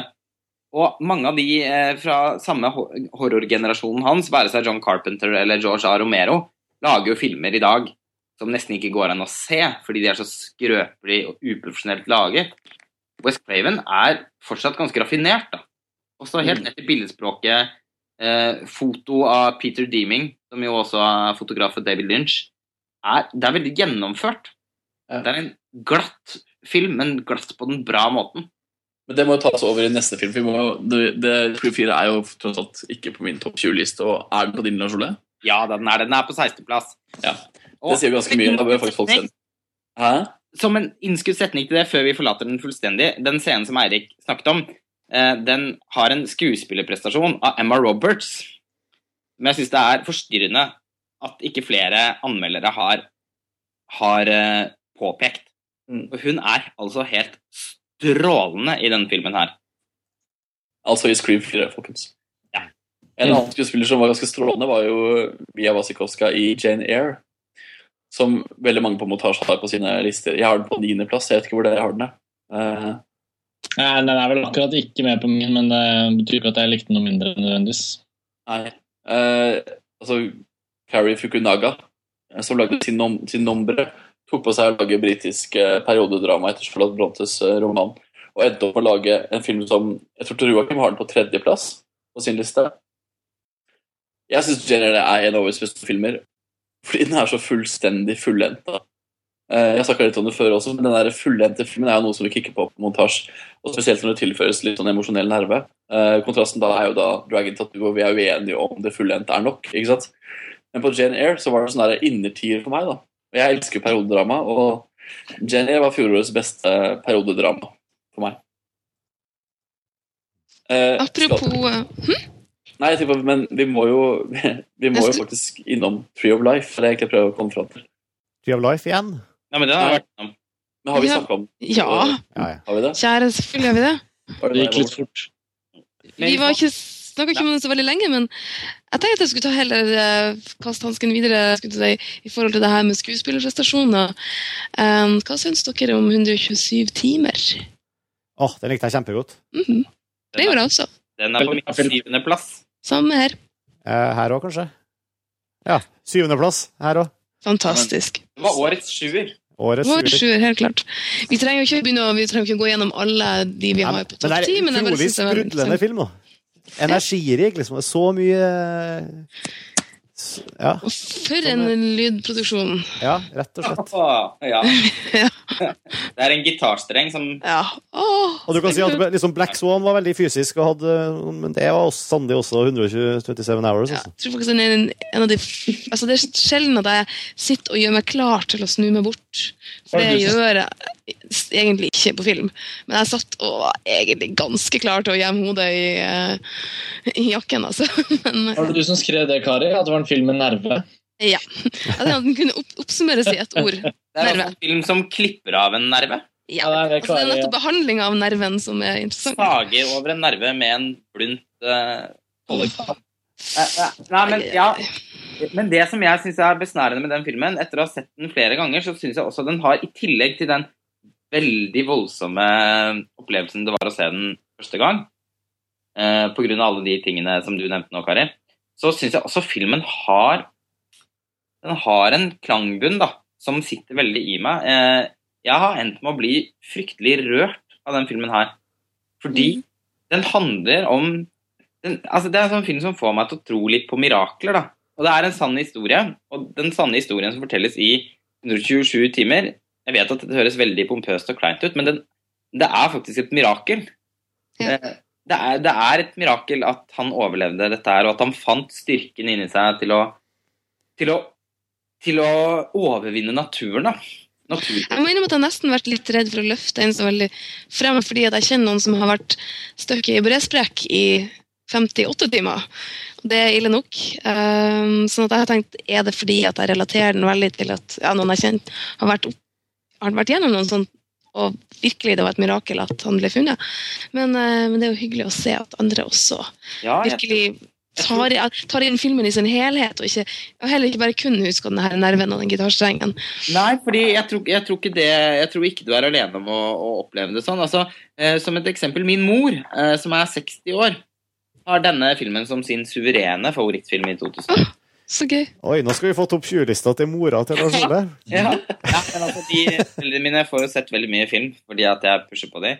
Eh, men eh, denne filmen så mamma på kino, og etterpå har hun også sett den to ganger på video. og Hun er helt oppslukt i den. Men det, nettopp uh, på grunn av den um, Av det jeg sa i stad, altså det, det, Historien i seg selv er, er Den er så fantastisk, og den er den er faktisk inspirerende, da, syns jeg. Altså, jeg merker at eh, det å se at et menneske verdsetter livet sitt så høyt, og har en så sterk vilje til å overleve, til å fortsette livet sitt, forsterket av disse flashbackene som jeg første gang jeg så den, hadde litt problemer med. Men som ved eh, gjentatte gangers gjennomsyn, så har liksom de eh, fungert mye bedre for meg, fordi at jeg skjønner at de tankerekkene som han gjør seg når han sitter inne i denne sprekken, vil sannsynligvis være sånn som Boyle, eh, Danny Boyle fremstiller det.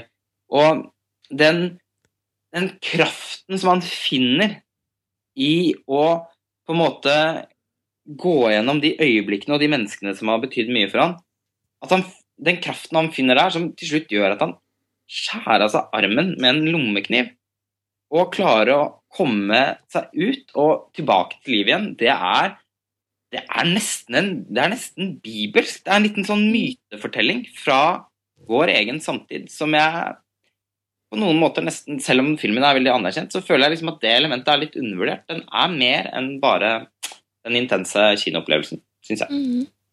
Ja, Yes. Ja. Ingen, ingen tar til motmæle. Det var, det var et forsøk på en liten sånn kampanje internt på montasjekontoret fra Lars Olsens side for å få kanskje meg til å få den inn på vårt topp 20. Ja. Den er ikke, det er for meg for at, den faktisk, at den var litt, litt forglemmelig. Da. Det må jeg bare si. Ja, nei. Men, Men, men jeg, dere, har- hvilke andre filmer er det vi må gjennom? jeg, Jeg, jeg har bare lyst til å nevne en film som, som virkelig tok meg på senga, og som jeg føler er litt få som, for få som er, som er liksom undervurdert, da, i eh, skyggen av uh, Tintin og andre store CG-produksjoner. Jeg så Rango veldig sent i år. Den har jeg lyst til å se. Så... Og det syns jeg var så kul! Det var, det var utvilsomt den morsomste filmen jeg så i år. Liksom. Og i tillegg så er den latterlig bra produsert. Altså, den er velregissert og godt spilt, men den er også utrolig bra teknisk. Og, og um, hva heter det? Sine, sine, hva er- cinemografisk? Hva? Film, eh, Film. Ja, den er, det er hvert fall en ut, Den satte jeg veldig veldig pris på. da. Mye mer enn jeg trodde jeg kom til å gjøre. Jeg hadde liksom holdt den litt på avstand veldig lenge, for den ser liksom bare ut som eh, bare nok en uh, datafilm, liksom. Men, uh, men det, det var virkelig en sånn overraskelse for meg. Særlig siden jeg ikke er så begeistra for Paris of the Caribbean-filmene, som er Det er jo en Gore Verbinski-film. Mm. Gore Verbinski i seg selv er jo egentlig ikke nødvendigvis så talentløs. Jeg skal jo ikke glemme at Jeg er heller ikke noe begeistra for de Pirates-filmene, men jeg husker at jeg var veldig imponert over regiarbeidet hans i den amerikanske remaken av The Ring. Um, kanskje er en veldig glemt film i dag, men, men den er veldig, veldig godt fortalt. Hvis han har liksom klart, og veldig, veldig bra visuelt også, hvis han har liksom klart å Hvis han har hatt et godt manus å jobbe med, kan jeg forestille meg at han kan gjøre en veldig bra jobb. Han hadde, altså, er utrolig overskudd i, i design her, og liksom sånn figurskaping og, og, og det er liksom en sånn overskuddsfilm og, som virkelig Og veldig sånn film eh, Film Den har masse filmreferanser i seg også. Veldig sånn hyllest til, til westernfilmer, både i, i handling og, og musikk og alt mulig. Men uh, Rango er, Rango er en av de filmene fra topplistene, hvis, jeg, hvis man ser på alle topplistene på montasje som helhet. Da, som, det er en av de som virkelig har kommet inn på sånn må se-liste for meg. Eh, Jeg kjenner at nå er det så mange som har sagt at den filmen eh, leverer, da, og nå deg nå, Martin. Ja. Det kjenner jeg jeg kommer til å prioritere å få sett. Og det, det er Mm. vanskelig. Det, det er åpenbart så lev, Ja, det er en mye bedre film enn den kanskje ser ut som på alt promomaterialet. Kult. Eh, Eh, men vi begynner vel eh, Vi må vel begynne å runde. Jeg lurer på, vi skal, skal vi tørre å Vi har jo allerede retta blikket forover mot eh, det som skjer i 2012. eh, ved, for to filmfester siden så hadde vi jo en episode der vi gikk gjennom alle filmene som Karsten og Erik hadde sett i New York, som kommer neste år. Men det er jo, altså, hvis vi bare skal ta runde og si hva er det man gleder seg aller mest til i 2012, hvilken film står øverst på, liksom på forventningslista? Kan jeg, kanskje det er et fint sted å runde av episoden her med? eh, Eh, jeg, jeg kan si For min egen del så er det helt opplagt at det Ja. er Prometheus-filmen til Ridley Scott. Nei. For meg Nei. så er det. For der er det det. Og det er Tro, ikke en, tross profilbildet ditt på Facebook, ja. Ja, tross Hobbiten og tross uh, Dark Night Rises, så er det liksom Prometheus som jeg gleder meg all- som jeg er aller mest spent på. Det var en helt utrolig god teaser da som kom til Prometheus. Det Ja.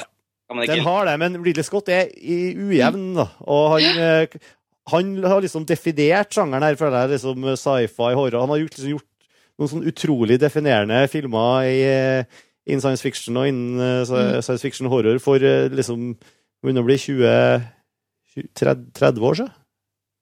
Men, men, Ja, ikke sant? Liksom klarer han å er det, er det Ja, jeg er veldig spent, da. Rett og Det er litt enkelt med Ridley Scott i utgangspunktet. Altså, har Ridley Scott et bra manus å jobbe med, så blir det veldig, veldig bra. Har han et dårlig manus, så klarer han sjelden å løfte det. Han er en fremragende regissør, men han må ha et godt materiale å jobbe med. Så det med Prometheus står og faller på, er jo om manuset er bra. Hvis det er bra, så kan jo filmen bli så bra som helst. Tenker jeg. Mm. Mm. Håper det. Den er jo på topp tre sammen med Hobbiten og Dark Night Rises, så det kommer til å prege montasje framover, tenker jeg. Mm. Ja. Ja. Ja, da har vi nevnt de tre, de Ja. tre store. Men det er jo, det sier litt om det blockbuster-elementet Erik tok opp tidligere. Da. 2011 har kanskje ikke vært noe stort år- for blockbustere. Jeg, 2012 er åpenbart et, eh, et veldig spennende år for blockbustere, nettopp fordi man har tre sånne enorme ting som dette her, som ser allerede med teasere og som ser ut til å være på rett vei, og som har store regissører eh, bak spakene. Men så har man jo også disse mellomblockbusterne som kanskje kan falle veldig begge veier. Um, så det, det, det blir interessant å se med blockbuster-året. En film som den eh, John Carter. Det er faktisk Andrew Stanton eh, som, som gjorde um, Wall-E. Og herregud, hvilken annen Pixar-film? Um, Drag Nemo. Oppdrag Nemo. Han er nå gjør sin første live action-film, og Disney satser jo enormt på den filmen. og Den er premiere i mars, og alt som er sluppet, ser ganske middelmådig ut. Så det er ikke nødvendigvis noe vi kan si at vi gleder oss til. Jeg kan ikke si det personlig, men, men det er en film som man kan ikke helt vite det før man faktisk eh, ser resultatet. Da. Det er jeg er spent på en del sånne som kan stå og falle begge veier. Mm. Men det er veldig lave forventninger til eh, The Avengers, det er vi enige om. Ja, den bryr jeg meg ikke om. Mm. Ellers så må jeg innrømme at jeg har jo noen filmer som kommer ganske snart, som jeg gleder meg litt til. Jeg er litt spent på Shame. Har dere, dere har kanskje sett Shame allerede? Ja, Jeg har sett Shame. Ok. Meg. Har du- Og så er jeg ikke spent på J. Edgar. Den kjenner at jeg, jeg ble bare lei av, bare av å ha sett traileren to ganger, for å være helt ærlig. Den er allerede av- avfeid av Lars Ole og Nei, av Karsten Ikke Erik. meg. Det er nesten kalkun, bare for det sagt. Ah, ok, for jeg, jeg bare syns at den så helt grusom ut. Men hva med um, hva den heter Extremely Loud and Incredibly Close? Har dere sett den, eller? Ai, ai, ai. Det det fikk vel veldig kjedelig mottakelse i USA, da. Ah, ja, ok. Ja. Ja vel. Det er jo visst akkurat så pretensiøst som det er veldig mange var redd for. Altså, vi Eh, den, Kort fortalt så er det vel de store store filmene som det er litt interessant å nevne her. For det er jo faktisk det det handler om i år. Og så vil man jo oppdage sånn som Nadia Semin. Hvem vet? altså Kanskje 2012 bringer en eller annen sånn liten, fantastisk film som er det vi sitter og snakker om. jo, men eh, eh, Andrea Arnold slipper Weathering Heights' i 2012. Ja, så Det var et veldig interessant prosjekt. Så er det var Hansel og Gretel og Witch Hunter, selvfølgelig. Tror det Lars Ole prøvde å si var Michael Haneke. Ja, han kommer med en ny film. Sannsynligvis premiere under Cannes. Ja, Det ryktes også at David Lynch har ny film i 2012. Wes Anderson har ny film i Cannes. Mm. Så det er en del uh, av de folka der som kommer med ny film. Uh, Catherine Bigelow kommer med sin Bin Laden-film, gjør hun ikke det? Jo. Pixar kommer jo selvfølgelig med en Den ser så dårlig ut. Ja. Nei, gjør den det? Kanskje? Jeg vet ikke. Jeg Den, den ser veldig unnsang ut. Jeg syns jo, jo kanskje det mest interessante med 2012 er norsk film i 2012. fordi den, den norske filmen var jo veldig bra Eller jeg snakka om i stad min mening at jeg syns 2010 var et veldig bra norsk filmår. Uh, 2011 ble et helt sånn ok filmår, men 2012 ser ganske lyst ut. Og det ser enda mer variert ut enn det de gjorde i år. Uh, det kommer en ny Margit Olin-dokumentar, De andre, som hun har snakka om i veldig lenge. på en måte. Det Jarle Klepp-trilogien avsluttes med Kompani Orheim. Vi har to blockbustere, 'Reisen til Justine og Kon-Tiki', som kommer på tampen av året. Mm. Uh, og så kommer Liv Ullmann i sin første hovedrolle på veldig lenge, i To liv, som er tysk-norsk produksjon. Så norsk film har også en del interessante potensielle festivalgjengere framover nå. Da Johanne Haugerud kommer med sin uh, spillefilmdebut. Så norsk film også er veldig interessant. Så jeg tror kanskje spennet er mellom de store blockbusterne, altså de litt sånn der kunstneriske regissøren som vi elsker å følge, sånn som Michael Haneke, og så norsk film. Jeg tror der, der ligger det ganske mye interessant neste år. Jeg er ganske sikker på at det blir et fetere filmår. Ja, det tror jeg også. Så kommer det mye eventyradaptasjoner, og det tror jeg nok blir av varierende kvalitet, men det skal bli spennende å se. Ja. det blir spennende å se. Sånn eh, avslutningsvis, vi snakket jo om eh, bare eh, Vi snakket om skuffelsene for filmår i stad. Og en, en eh, Jeg har også lyst til å nevne en skuffelse, da. Eh, fordi og jeg, Den var i hvert fall merkelig fraværende på montasjelister for 2011. Det var jo den filmen som vant Oscar for beste film. The King's Speech. Det var min største skuffelse i 2011. Men Fordi det var en dårlig film, men fordi at den var så Du var jo veldig sur på den. Ja, den var jeg sur på. Jeg vet jo det. Fordi at jeg syns at den var så tam. Det var, jeg synes den var karikert og på en feil måte, for jeg syns ikke den filmen passer til å være Den historien den filmen skal fortelle, syns jeg ikke kler å være karikert. Jeg syns den var bemerkelsesverdig kjedelig. Så, Jeg syns det var en god film, men klart jeg er ikke helt sånn panegyrisk, som du liker å si, på linje med, med Akademiet, men jeg syns det var en god film. og. Kritikeren også da var jo helt over seg når den filmen kom. Men jeg, jeg likte den kjempegodt, mener jeg. Så jeg er egentlig veldig overraska over at jeg ikke klarte å Jeg hadde den i hodet mitt som en 2010-film, men det er det jo litt ikke. Nei, jeg hadde forventet at den kom på mange flere lister. Ja, jeg har rett og slett bare glemt den, jeg. Jeg, jeg har den på 11. plass. Jeg har også 11. plass. Veldig bra, Erik. Nei, Den kom ikke med meg. Jeg, jeg syns det er en veldig, veldig god film, og jeg syns ordet 'god' egentlig sier det jeg har å si om den. Jeg synes den er, eh, den er veldig god. Jeg er enig med at den kanskje i ettertid så fremstår den som litt flat og kanskje litt sånn ung. Jeg er enig med det. Jeg syns kanskje ikke Helena Bonham Carter fortjente en Oscar-nominasjon for Nei. rollen sin. Men uh, jeg vet ikke om jeg kommer til å huske som en sånn god film som jeg på en måte hadde en veldig hyggelig opplevelse med. En, en annen film som ikke kom høyt opp, var jo True Grit. Ja, men den var skuffende. Ja. Den var sånn et øyeblikks uh, morsom, og så var den ikke noe mer enn det, liksom. Nei. Så det er jo bra. Det er også en bra Jeg syns det er en bedre film enn King's Beach, for den saks skyld. Men jeg, men jeg Det gjør en morsom rolle. Ja. Ja, hun eh, Hayley Stanfield er jo kjempebra. Og Jeff Bridges er morsom. òg. det er mye, veldig mye bra i den filmen. Men det var en film som jeg syns tapte seg veldig når jeg så den andre gang. Den, jeg, nå, jeg forestiller meg liksom aldri at jeg kunne få lyst til å se den igjen. Vi må selvfølgelig kalle den True Grit et ekte mannfolk. Vi må også bare fort nevne at det er ingen danske filmer på topp 20 i montasje utenom Clone the Movie. Ja! Som er en film som Lars Ole og jeg satt, eh, Mm. ble veldig begeistra for. Ja. Melankolia er vel også en en dansk produksjon? Så det kan Jeg tenkte at den skulle tro. Ja, Men ja, man, man, man glemmer liksom Lars von Trier oppe i Danmark. Det blir liksom helt sånn egen eh, Ja. planet.